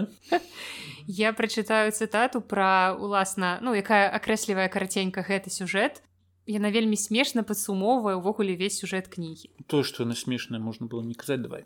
Okay. англійская украінская мова Першы... сексуальным беларускім акцэнтам першы раз у гісторыі давай. Залышалася зібраты ў панадзілак вранцы місцян урочыста перарізати стрічку і повернути кран після чого вода з водогону мала під тиском потрапити у фонтан єдності а українці в європейський союз Простота і геніальнасць ідэі нават не снілася брусельскім бюракратам, які шлях Україны в ЄС бачылі через рэформы, багаторічну працу і відданасць закону. Насправді ж усе мало відбутися негайно і через дырку в зямлі. Таксама яшчэ такая караценькая цытатка ўжо не ну не пра нейкія глыбокія філасофскія сэнсы твора, а проста пра паказаць вам узровень жартаў, які там часам сустракаюцца гэта ну такія жартоўныя назіранні, напрыклад, Тож не дивно, що зранку чоловік був схожим на Дрезден після бомбардування. Гэта такая вот такая прыгожая калі я раніцай часам гляджуся ў люстэрка і я таксама бачу што я выглядаю як дрэзден пасля бомбардзіроўкі вельмі жыццёва мне здаецца. Ну вось я зараз чытаю дарогу кормака макарці там вельмі таксама вельмі ёсць вельмі такія пару трапных штук. Я вядома гэта ўсё не падкрэсліваю не запамінаю але калі я читаю такі блин ну класнае параўнанне Ну як я ўжо казала што там шмат цытатаў пра нейкія асаблівасці украінцаў пра украінскі менталітэт пра асаблівасці ўсё гэтага рэгіёну закарпацця і напрыклад такая цытата самы на нашых тэрэнах сустрічаюцца безліч культур украінска угорска румуньска славацка еврейска цыганска польска і алкагольна універсальная так вельмі універсальна мне здаецца шмат да каго можна прыняць. Але мы ўсё ж таки пераходзім да персонажа да персонажа году і гэтым персонажам для мяне стала гераіня кнігі пісьменніцы ейл ханеман. Кніга называется элеонор олефант is completely fine. My perfect english я чытала гэтую кніжку ў арыгінале. Дарэчы она вельмі лёгка чытаецца па-англійску таму калі вы шукаеце штосьці такое з не вельмі складанай лексікай то гэта якраз такі варыянт. У е там ну такі даволі сярэдні ўзровень. І галоўная гераіня элеонор олефант стала маёй гераіней года просто таму что найбольш мяне зачапіла сваёй прозвішчам не не прозвішчам але сваім характарам гэта вельмі спецыфічная гераіня. Трэба разумець што яна крыху дзіўная. Ёй 30 гадоў яна вельмі разумная яна размаўляе на бездакорнай англійскай мове яе ўсё выдатна з граматыкай але ёй не хапае здольнасцяў сацыяльных Таму што ў яе ёсць пэўныя псіхалагічныя праблемы на гэты конт. Яна магчыма ну там складана сказаць і не кажется якое яе канкрэтнае захворванне Мачыма гэта аўтызм адна з нейкіх ступеняў аўтызму. Яна можа функцыянаваць у грамадстве на нармальна развіты чалавек. У е ёсць праца яна жыве адна яна можа ну карацей яна абсалютна можа сябе забяспечваць працаваць зарабляць грошы але ў яе ёсць пэўныя праблемы з разуменнем іншых людзей. Яна крыху можа быць гэтым нагадвае шелдана купера. Калі вы глядзелі серыал э, тэорыя вялікага выбуху яна ну вось такі трошки шелдан купер. Яна не заўсёды разумее сарказм. Яна не заўсёды разумее гульню слоў паколькі яна разумее іх э, літаральна гэтыя выразы. Яна не можа счытаць нейкія метафоры тому что ну вось такая асаблівасць яе функцыянавання. І яна не вельмі заўсёды кажа то што думае Таму што яна не можа гэта адфільтраваць. Вось такі цікавы персонаж яна вельмі комфортна жыве які падаецца яна працуе 9 гадоў на адной той же працы. У яе ёсць пэўны распарадак дня які яна заўсёды захоўвае. Там устае ў такі час у абед купляе газету разгадвае крыжаванку потым яна сыходзіць працы ў адзін і той же час яна гатуе адну і ту ж вячэру э, глядзець тэлевізор трошки чытае кладзецца спаць і толькі вось на выхадных нешта змяняецца яна размаўляе са сваёй маці мы не разумеем дзе яе маці знаходзіцца гэта ну нешта накшталт турмы таму што яны там толькі пэўны час могуць размаўляць і таксама пэўны распарадак дня ў яе ёсць на выхадных бо пасля працы ў пятніцу яна купляе піцу яна купляе віно і дзве вялікія бутэлькі гарэлкі на выхадныя і на выхадных яна выпівае гарэлку але пры гэтым мы не можемм сказаць што яна алкаголік яна абсалютна спакойна жыве функцыянуе і яна вось у такім стане на выхадных напаў туманным знаходзіцца праз гарэлку і яна чакае што прыйдзе панядзелак часам ёй увогуле здаецца што яна сама себе выдумала. Што ты е такое дзіўнае жыццё яна не разумее што адбываецца і раптам у яе жыцці здараецца тое што збівае ўсё выбівае проста яе з каляіны і вось гэта вельмі цікавы далей ўжо расказваць спойлерыць не буду але гэта вельмі цікавы персонаж з такімі асаблівасцямі. У апошнім часам даволі шмат стала з'яўляцца твораў пра герояў дзе галоўныя героі людзі з пэўнымі ментальнымі асаблівасцямі. Гэта перастае стыгматызавацца. Мне падабаецца калі аўтары сапраўды разумеюць пра што пішуць сапраўды ведаюць. Мне здаецца што гейл ханеман аўтарка я пра яе нічога не ведаю не ведаю ці мае на нейкія праблемы падобныя ці можа сутыкалася з імі. Але як мне падаецца то яна даволі дакладна апісала такога персонажа і гэта сапраўды вельмі цікавая цікавая гераіні са сваімі асаблівасцямі. Я уже чытала мне здаецца даволі шмат кнігаў дзе гаворка вядзецца ад імя героя у якога ёсць такія праблемы. Напрыклад адна з маіх любімых кніг на гэтую тэму гэта загадачнае ночное убийство сабакі або па-іншаму яна называлася што случилось сабака аднажды ноччу марка хэдана гэта кніга гаворка у якой вядзецца ад імя хлопчыка з аўтызмам і мы бачым свет вачыма чалавека з аўтызмам дзіцёнка і гэта даволі цікавы твор. Ну і вось атрымліваецца што ў творы гел ханеман мы бачым гераіню эленор олефант і свет яе вачыма таксама ну нейкая з расстройства аўтыстычнага спектра яна мае. Цяжка вызначыць якое дакладна. Так што вось такі ў мяне персонаж году у нас сёння нейкі ўсе з асаблівасцямі. Ровар каханне і жанчына з аўтызмам. Отличный этот спалучэнне так можна было б напісаць цэлы твор на ровары закаханая жанчына з аўтызмам на ровар так, так назовем Блин, я адразу вспоминаю спектакль радзіва продуктам жанчына на сінім лесапедзе ездзіла добрай раніцы можа быць гэта была Элеонор Олефант не гэта была Святлана а... Алексеевич не, не, не, не, не ну гэта было святланае прозвішча не запомню даруй Святлана калі ты чуеш мяне ну вось яна такая была вельмі клёвая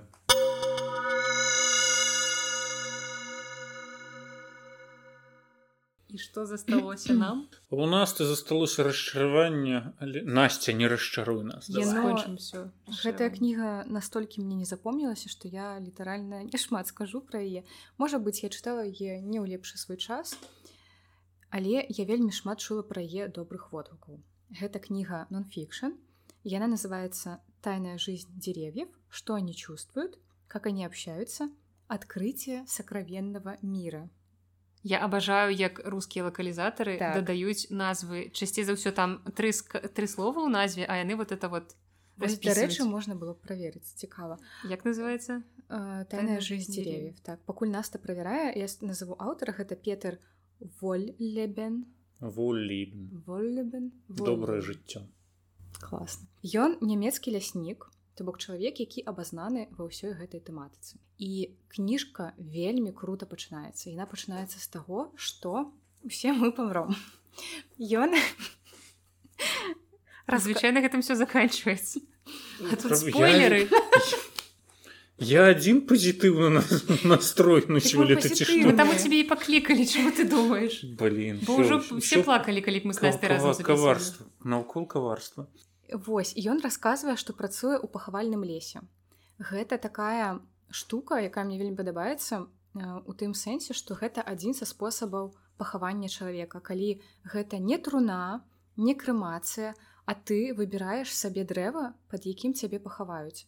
То бок э, цела хаваюць, каб яно стала ўгнаеннем для будучага то бок на, Жыцця. э, на табе саджаюць дрэва ці цябе пад дрэва піхіваюць вот не памятаю. не магчыма саджаюць на табе На, у любым выпадку гэта, э, ну там пачынаецца з Ну, дыялогу карацей, про тое, калі, калі расчараванне так тады- што тады- я нават не тады- памятаю канкрэтыкі але здаецца там усё пачатку было як ён з жанчынай размаўляў кажа які там вам падабаецца бук?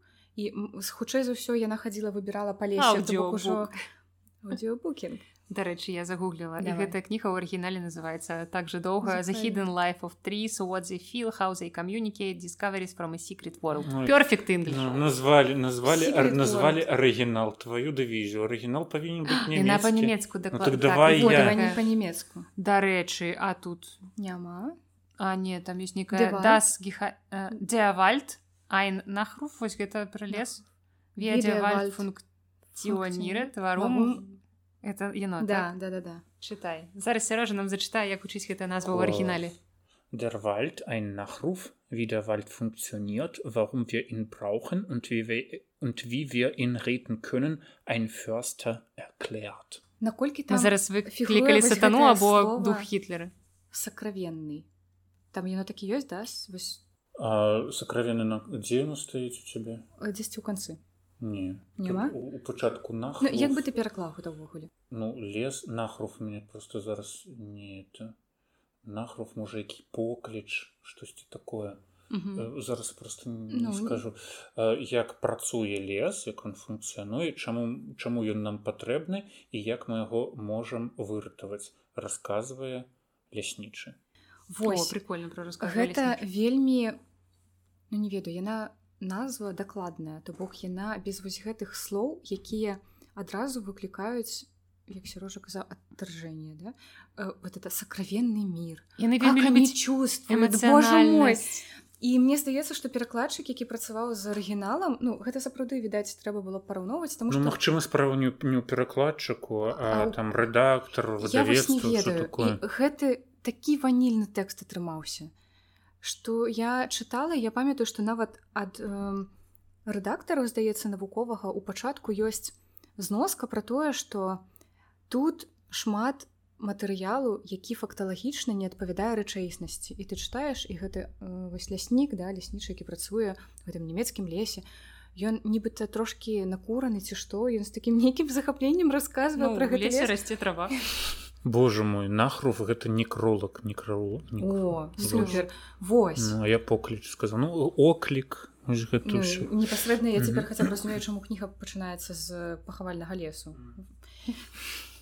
Таму што Таму я заўсёды калі чытаю нонфікшн замежныя ў рускім перакладзе я заўсёды гляджу як назва выглядае ў арыгінале таму што вельмі часта у арыгінале яна нармальная ты чытаеш кнігу і разумееш сэнс А калі ты чытаеш рускі пераклад ён абсолютно не адпавядае рэчаіснасці у тебе ўзнікаюць mm -hmm. праблемы а ну як бы праблемы не з кніжкай праблемы з рускім перакладам назвы вось можа быць што гэта якраз такі гэты варыянт калі я разумею што гэта чалавек які сапраўды калі ён там працуе і ён захоплена расказвае пра сваю працу там мусілі быць вось гэтыя воклі ну словы узнёсласці всякое такое. Але не настолькі слащава як гэта зрабілі mm -hmm. але, ну, разумееш я зараз думаю вось наколькі б кніжка у рускім на рускім рынку кніжка у якой у назве якой ёсць слова некро некролог некролог некролог наколькі б яна прадалася б?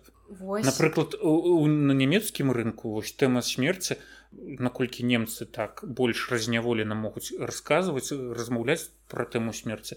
Наколькі ну там яна прадаецца рэч у тым што зараз на рускім кніжным рынку таксама даволі шмат кніжак пра смерць нас там пацвердзіць выходзіць шмат перакладаў кніжак звязаных са смерцю там паговорим о смерти за ужином о грибах і скорбі яна таксама пра смерць ну карацей шмат яны mm. зараз таксама рэфлексуюць над гэтай тэмай Гэ... што гэта вельмі... ну, цікава чаму менавіта вось у гэтым выпадку mm -hmm. яны э, вырашылі не кадысьці ад слова нахруф я просто мне трэба просто запомніць. Я зараз таксама пагугліваюсь іншае слово не крулок ах таксама але это ну яны не саромеюцца mm -hmm. гэту тэму смерці датыкацца да яе.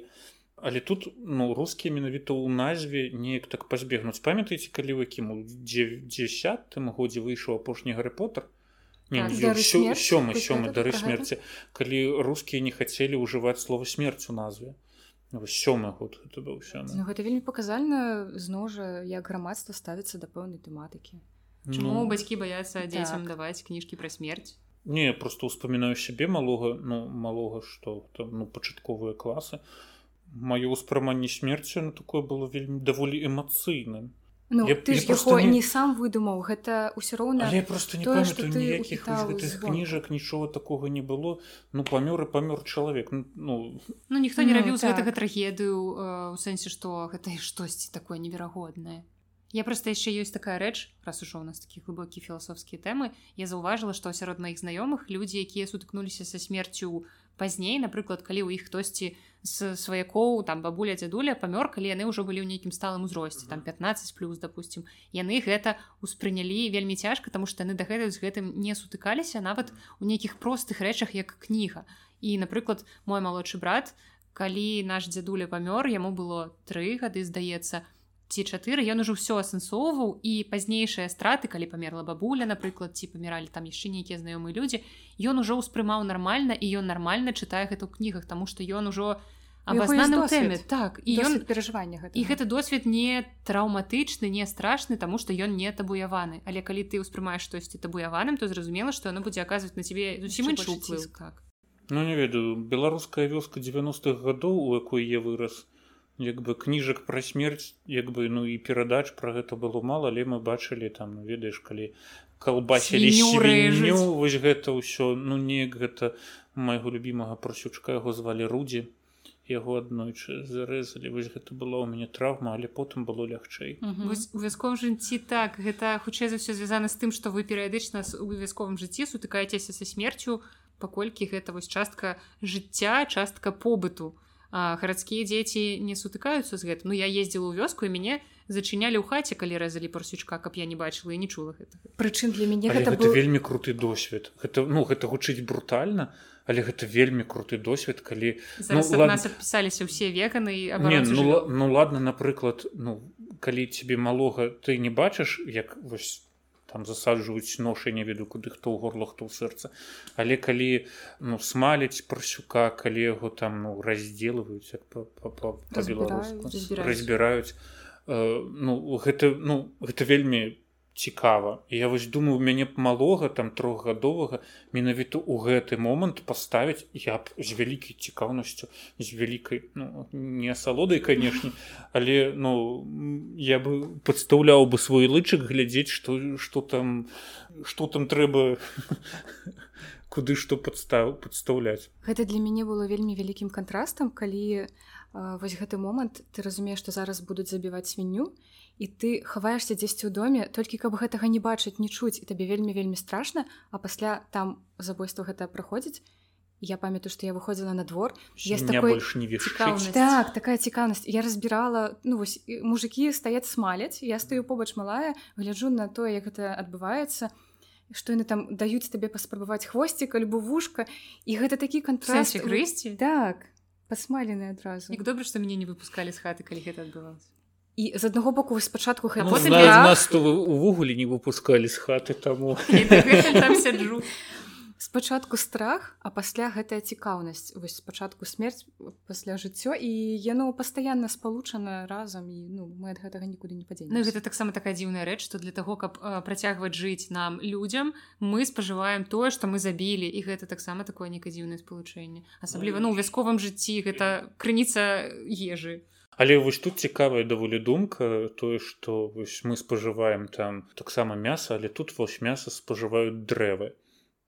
Ну даволі ці... мне было б цікава вось гэтую ідэю пачытаць як гэта пра ўсё расказваюць ляснік на вось такіх Дык драўляных мой дрэвавых могілках. Спачатку закранаецца гэта тэма пахавальнага лесу а пасля ён пачынае тлумачыць ну вось непасрэдна як яны функцыянуюць там што яны ахоўваюць нават дрэвы якія адчуваюць сябе знямогламі ну умоўна кажучы адчуваюць да? там сігналы нейкія свае сігнальныя сістэмы і ўсё і гэта тэма сыходзіць на нет бок яна не раскрываецца так па-асабліваму Ну такое я ж кажу заінтрыгаваць так, ідыёта і кінуць Ну Мгм. просто гэта такая цікавая тэма, бо я ведаю, паколькі глядзела шмат перадач, чытала шмат э, кніг пра тое, як эм, хаваюць трупы н- выключна у э, што робіць тэарыты... выключна ў тэарэтычных мэтах. Э, Напрыклад, я ведаю, што Есть можна здесь один могильничек. Пойдем, покажу. што можна чалавека закапаць напрыклад у лесе і потым гэта будзе заўважна таму што чалавек а, сваім целам аказвае ўплыў на навакольнае асяроддзе калі ён закапаны под зямлёй Гэта спачатку наадварот нібыта пагаршаецца стан а потым э, гэты кавалак э, зямлі у якім ён закапаны будзе зелянець і наадварот там будзе увагу Так. Мгм. Таму вось ну Мгм. так я чытала кнігу я чытала кнігу судовага эколага і яна вось шмат расказвала пра такія асаблівасці Ну, прикольно. У гэтым плане таксама вельмі клёвы серыял Six Feet Under у рускім перакладзе кліент всегда мёртв. Здаецца, пачынала я ведаю але Блін, я не ведаю гэта найлепшае ну адзін з найлепшых серыялаў які я глядзеў там колькі 5 сезонаў у кожным сезоне там 10 ці 12 серый HBO там вельмі шмат гавораць вельмі шмат таких менавіта вербальных перажыванняў вербальных канфліктаў але ну мне вельмі э, вельмі круто. Там вядзецца ад э, ну расповед вядзецца ад э, імя пахавальча ну прыватнага пахавальнага бюро. І кожная серыя пачынаецца з таго што чалавек памірае заўсёды нейкім там дзіўным чынам. Хтосьці там трапіў у хлебамешалку э, на хлебзаводзе хтосьці там яшчэ нейкім чынам. І у гэтай серыі вось гэтага чалавека хаваюць там кагосьці трэба шыць з кімсьці яшчэ трэба нейкія пэўныя працэдуры. І вось гэты сямейны бізнес пахавальны менавіта расказваюць на фоне вось гэтых усіх выпадкаў э, расказваюцца гісторыя ну сямейная сага. І там э, самы клёвы эндинг ever. Калі вам цікавая гэтая тэма раз ужо мы загаварылі то я таксама хачу параіць кнігу кейтлін даўці якая называется когда дым засцілает глаза гэта жанчына якая працавала у і працуе так она зараз працую у пахавальным агенстве ой не, яна у крэматорыі але прыватны мабыць краматорый. Ці ну карацей яна займаецца гэтай тэмай так яна вывучае ўвогуле тэму смерці. У яе ёсць яшчэ адна кніга якая расказвае пра пахавальныя абрады ў розных краінах. Таксама у яе ёсць відэаблог у якім яна расказвае пра сваю працу. І такая вельмі пазітыўная дзяўчына такой годскай знешнасці. І гэта сапраўды вельмі цікава таму што з такой працы нам чамусьці супрацоўнікі такіх месцаў павінны ўяўляцца нейкімі сумнымі змрочнымі. А яна супер пазітыўная і гэта мне здаецца менавіта тое месца працы на якім ты найбольш атрымліваеш асалоду ад жыцця кожны дзень сутыкаючыся са і смерцю гэта тое чаму я люблю смерць у тым плане што гэта тое што ты ад чаго ты пачынаеш жыць лепш. Ты мацней адчуваеш жыццё калі ты усведамляеш што ты памрэш. Сярожа просто зараз выйдзе у акно. Не я просто я пра іншае ось э, просто параўноўваючы мой спіс з вашим спісам ну не ведаю у мяне такое хамство у вас ве- вельмі шмат так Дякую. У вас вельмі шмат таких разумных кніжак у мяне ўсё ж таки больш фікшана Дык трэба ж разнастаивать потому что калі б мы казалі толькі про такія сумныя кніжкі трэба ж іх разбаўляць чымсьці А яшчэ Кейтлін Дауці ёсць нядаўна выйшла кніга съест ли меня моя кошка? Так і гэта вельмі цікава там э, яна адказвае на пытанні якія можа задаць дзіцёнак пра смерць але гэтыя пытанні будуць і адказы на іх цікавыя просто. не не з'есць яна калі пачне то гэта будзе праз некалькі дзён і яна пачне з вачэй все что вы хотели ведаць сёння ў гэтым подкасте. Мы у мяне няма слоў просто. Ведаем як працягваць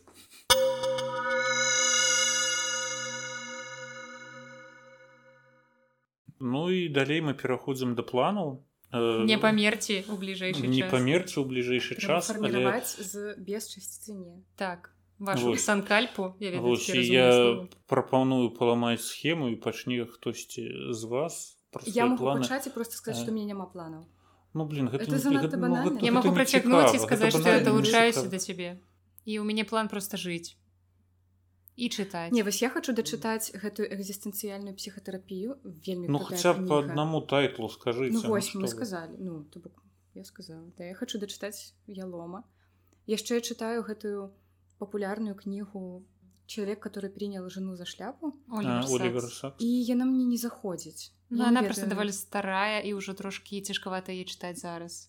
Няма вось гэтай цікаўнасці што ж там адбудзецца такога што я яе чытала ва універсітэце у нас была такая цудоўная выкладчыца па псіхалогіі якая нам раіла нам шмат рассказывала пра Олівера Сакса і мы тады вось чыталі ягоныя кнігі Ну, это быў ейны быўшы маўна пэўна Таму вось тады я зацікавілася але я б хацела перачытаць у мяне ў планах яна была але я не ведаю. Наступным годзе не. Ты мне раскажаш можа ты мяне натхніш але судзячы па пачатку мяркуючы да не Ну добра тады з маіх планаў я буду гаварыць пра беларускую літаратуру Таму што ў мінулым годзе здаецца я абяцала што буду больш чытаць класікі перачытваць дакладней класіку але ну я чытала трошки перачытвала класіку сёлета але не так шмат як хацелася бы увогуле. Э, гэты год я не магу назваць яго выкінутым з майго літаратурнага жыцця але ён прайшоў нашмат менш інтэнсіўна чым мне хацелася б па прычынам якія ад мяне не залежалі. Але эм, я ўсё ж таки маю надзею што наступны год будзе палепш. Конечно наступны год будзе палепш. Нашмат кропка. Я фармірую свой намер. А з таго што б я хацела пачытаць акрамя беларускай літаратуры з нейкіх канкрэтных імёнаў. Я б хацела прачытаць арэхавы палац. Далучаюся матку боска нарэшце, нарэшце. яны дараслі да гэта да гэтага шэдэўра да. ребята арэхавы палац я не ведаю ад стварэння гэтай шафа кніжкі праспект дзяржынскага 9 арэхавы палац міленкі ергавіча ў продаж бярыце пакуль ёсць бо гэта Бо гэта іх тут пяць бомба штук. Гэта прос 6 гэта самае вось я не ведаю найлепшае што я чытаў за апошнія 5 гадоў. Яно ну вось я не пабаюся сказаць што на перабівае любую кніжку нават вышэй згаданага бахарэвіча. Я я думаю што бахарэвіч таксама з гэтым пагодзіцца. Цікава Ну, ці чытаў альгерт Так. ергавіча конечно шупаш перакладаў. Ну шупа перакладаў ён чытаў. Логіка. Альгерт бахарэвич чытаў бы шупу перакладаў Цяпер вы ведаеце як уладкаваныя літаратурнай сувязі ў нашым ну ўсё павязана ўсё павязана вось не арэхавы палац канешне так, я... я, таксама. Я буду табе кожны дзень пісаць і пытаць як там арэхавы палац як ты пісаўся рожу пра? Гюнтера граса як там што там? Ну з ім было нецікава весці гутарку ну ён тупо яго не чытаў.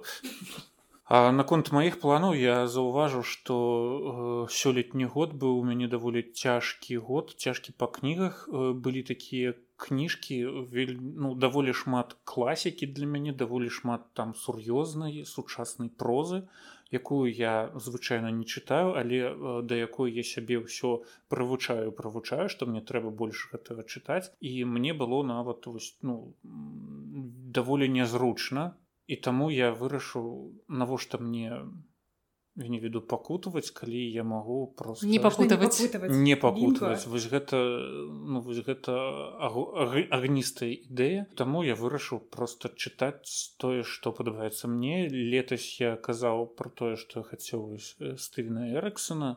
Я да яго так і не дайшоў але я думаю што апошнія дні гэтага года будуць прысвечаны менавіта яму. І я хачу вось прачытаць яго на фэнтэзі сагу а таксама ну я не буду паўтарацца про гэта казаў апошні раз калі мы тут былі а таксама я хочу прачытаць маё гілці плежа у мяне просто я хочу прачытаць усяго наруту бо гэта ну, колькі іх там? 1779 іх у, у нямецкім варыянце які я буду чытаць іх 24 тамы. Не так шмат. І два ў месяц.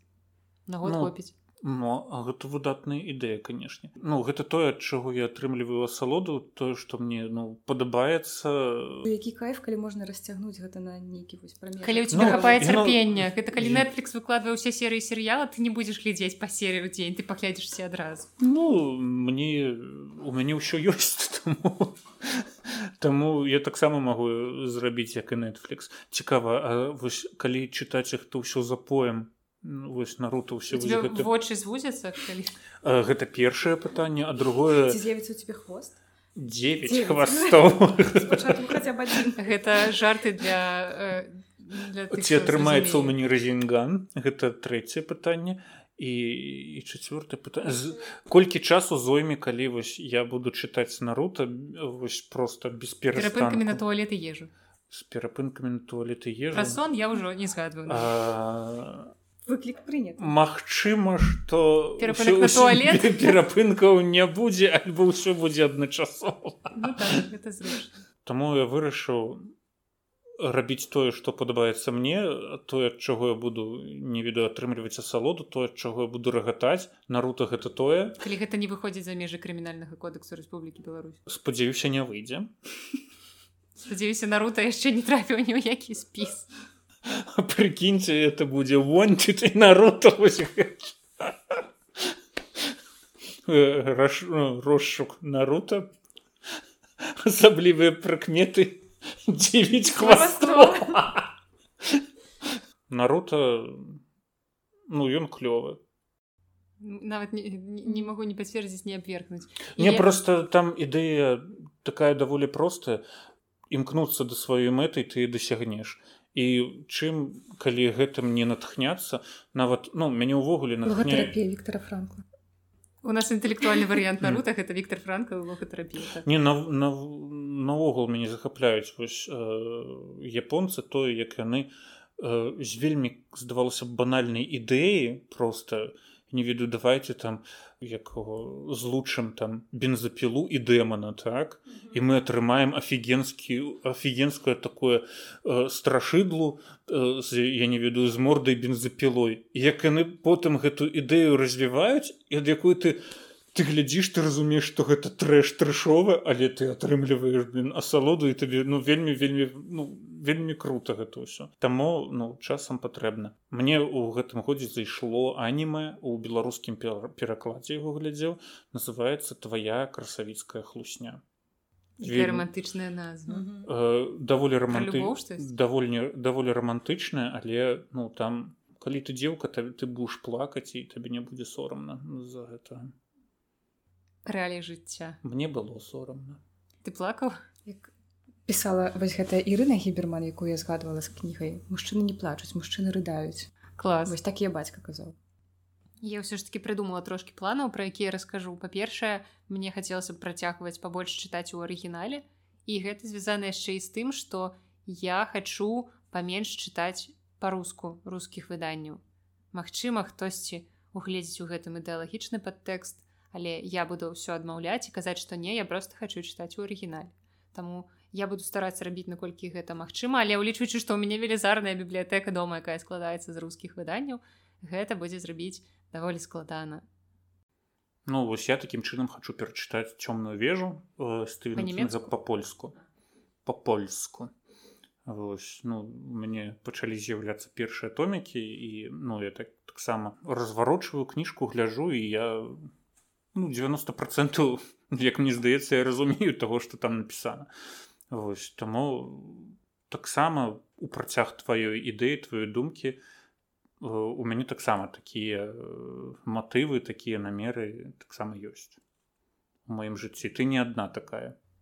Это цудоў ну, это сумна і ўсе, і ўсе паглядзі на трэцяга чалавека. А таксама яшчэ я планую чытаць пабольш украінскай літаратуры бо я уже трапіла ў гэты свет. Я сёлета акрамя кніжкі якую я вам ужо параіла карбіт любкі я прачытала яшчэ некалькі кніжак.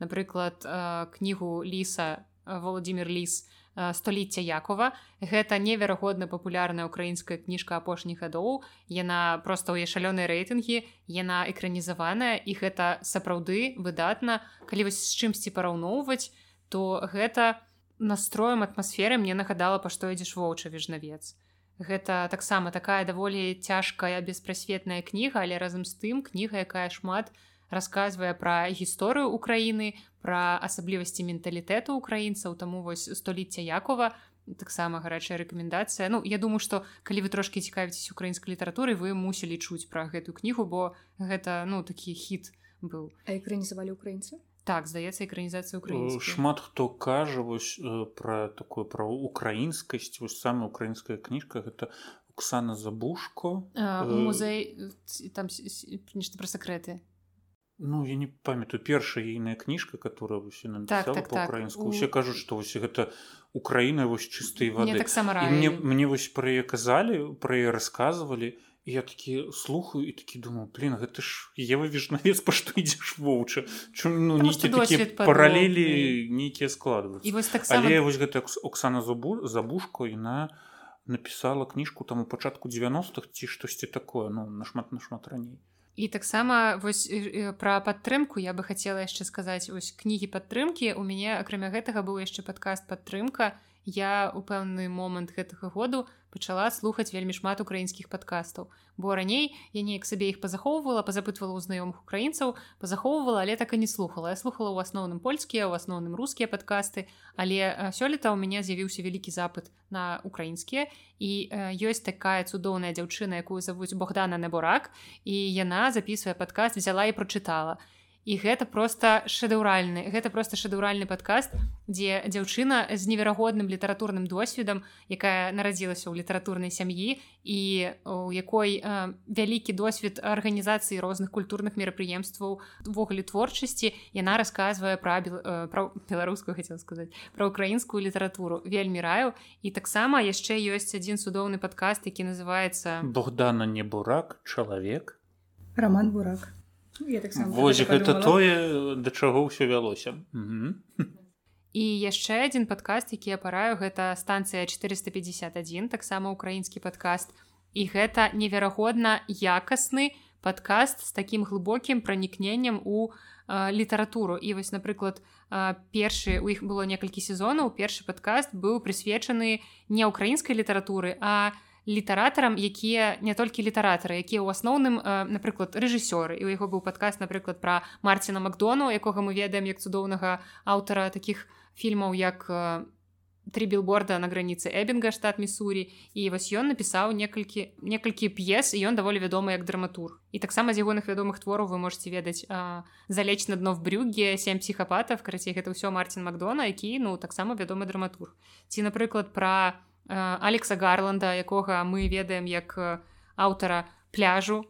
І таксама вось другі сезон яго прысвечаны акурат украінскай літаратуры. Там ёсць все, все хто толькі можна, зараз скажу сколькі тут хто не можна. Іх то не можна. Так там 11 выпускаў і гэта вельмі цікава вельмі якасна і вельмі таленавіта. Ты падзяліся спасылкай потым опісанні так, подкасту якая тонкая тонкі намёк так я пакінуў усе спасылкі на ўсё пра што мы гаварылі тут амаль на ўсё я пакінуў апісанні тому что ну вось прынамсі голас богданы не барак мяне выратоўваў выцягваў самых іх глыбіняў яна была мне ўжо як сяброўка. Мне вельмі хочется прасоўваць у мяне ёсць такая магчымасць мне вельмі хочется прасоўваць зараз украінскую літаратуру і э, я думаю что нічога не замінае мне гэта рабіць Таму вось такія планы Дон да вось такія планы. Вось такія былі нашыя вынікі чытацкія 2022 года. Здаецца паслухаеш і, і не так і дрэнна было Ну магчыма так і мы спадзяёмся што ў слухачоў гэта падкаста таксама знойдуцца якія-небудзь пазітыўныя добрыя кніжкі знойдуцца... або кніжкі пра смерць мы прымем усё. Ну таксама знойдуцца вось гэтыя кніжкі падцяжкі якія прытрымлівае прытрымлівалі цягам пэўнага часу вашыя штанцы каб вы там не не згубілі іх. Вось і мы будзем рады калі вы там дзе ў цябе ў каменліцеся у каментарях у, камен... у каментах ці там што ты доксы не ведаю твае вось гэтыя сістэмы ты гаворыш як бумер. Тэлеграмы шліце тэлеграмы на адрес дзяржынскага 9 Вось і будзем рады любой рэакцыі і все такое. Дзякуй што вы нас паслухалі што ў гэты час магчыма мы вам таксама сталі падцяжкамі пэўнымі Таму што канец года заўсёды нейкі такі дзіўны час. Адначасова у чаканні чагосьці людзі думаюць што вось прыйдзе новы год і ўсё зменіцца. Не ніфіга казала... не зменіцца. Як казала наста зараз што ты там казала? Я не пра гэтую цытату. Але ну пра гэта таксама не забывайце таму найлепшы момант гэта цяпер калі у вас ёсць штосьці што вы адкладвалі вельмі доўга як чалавек які як напрыклад калі хто адкладваў наруту то ўжо ніколі. що не адкладвайце чытайце будзем абмяркоўваць разам. Таму так найлепшы час цяпер і можа быть гэта найлепшае. не будзе? Дарэчы я калі рэдагавала гэтую сыму я пісала на руто потому що я на руто а не нарут аб наруце. Но мне падабаецца яго скланяць там буду склоняць можаш скланяць наруту Таму дзякуй, што былі з намі. Мы з вами развітваемся. Сёння з вами былі я, вядучая бязменная гэтага падкасту Настака, Наста А і сярожа мы. Мэмэ, скажаш што-небудзь. Ну і сярожа мы. Сё, дзякуй вам за ўвагу. Добрага вам усяго жыцця дня і новага году.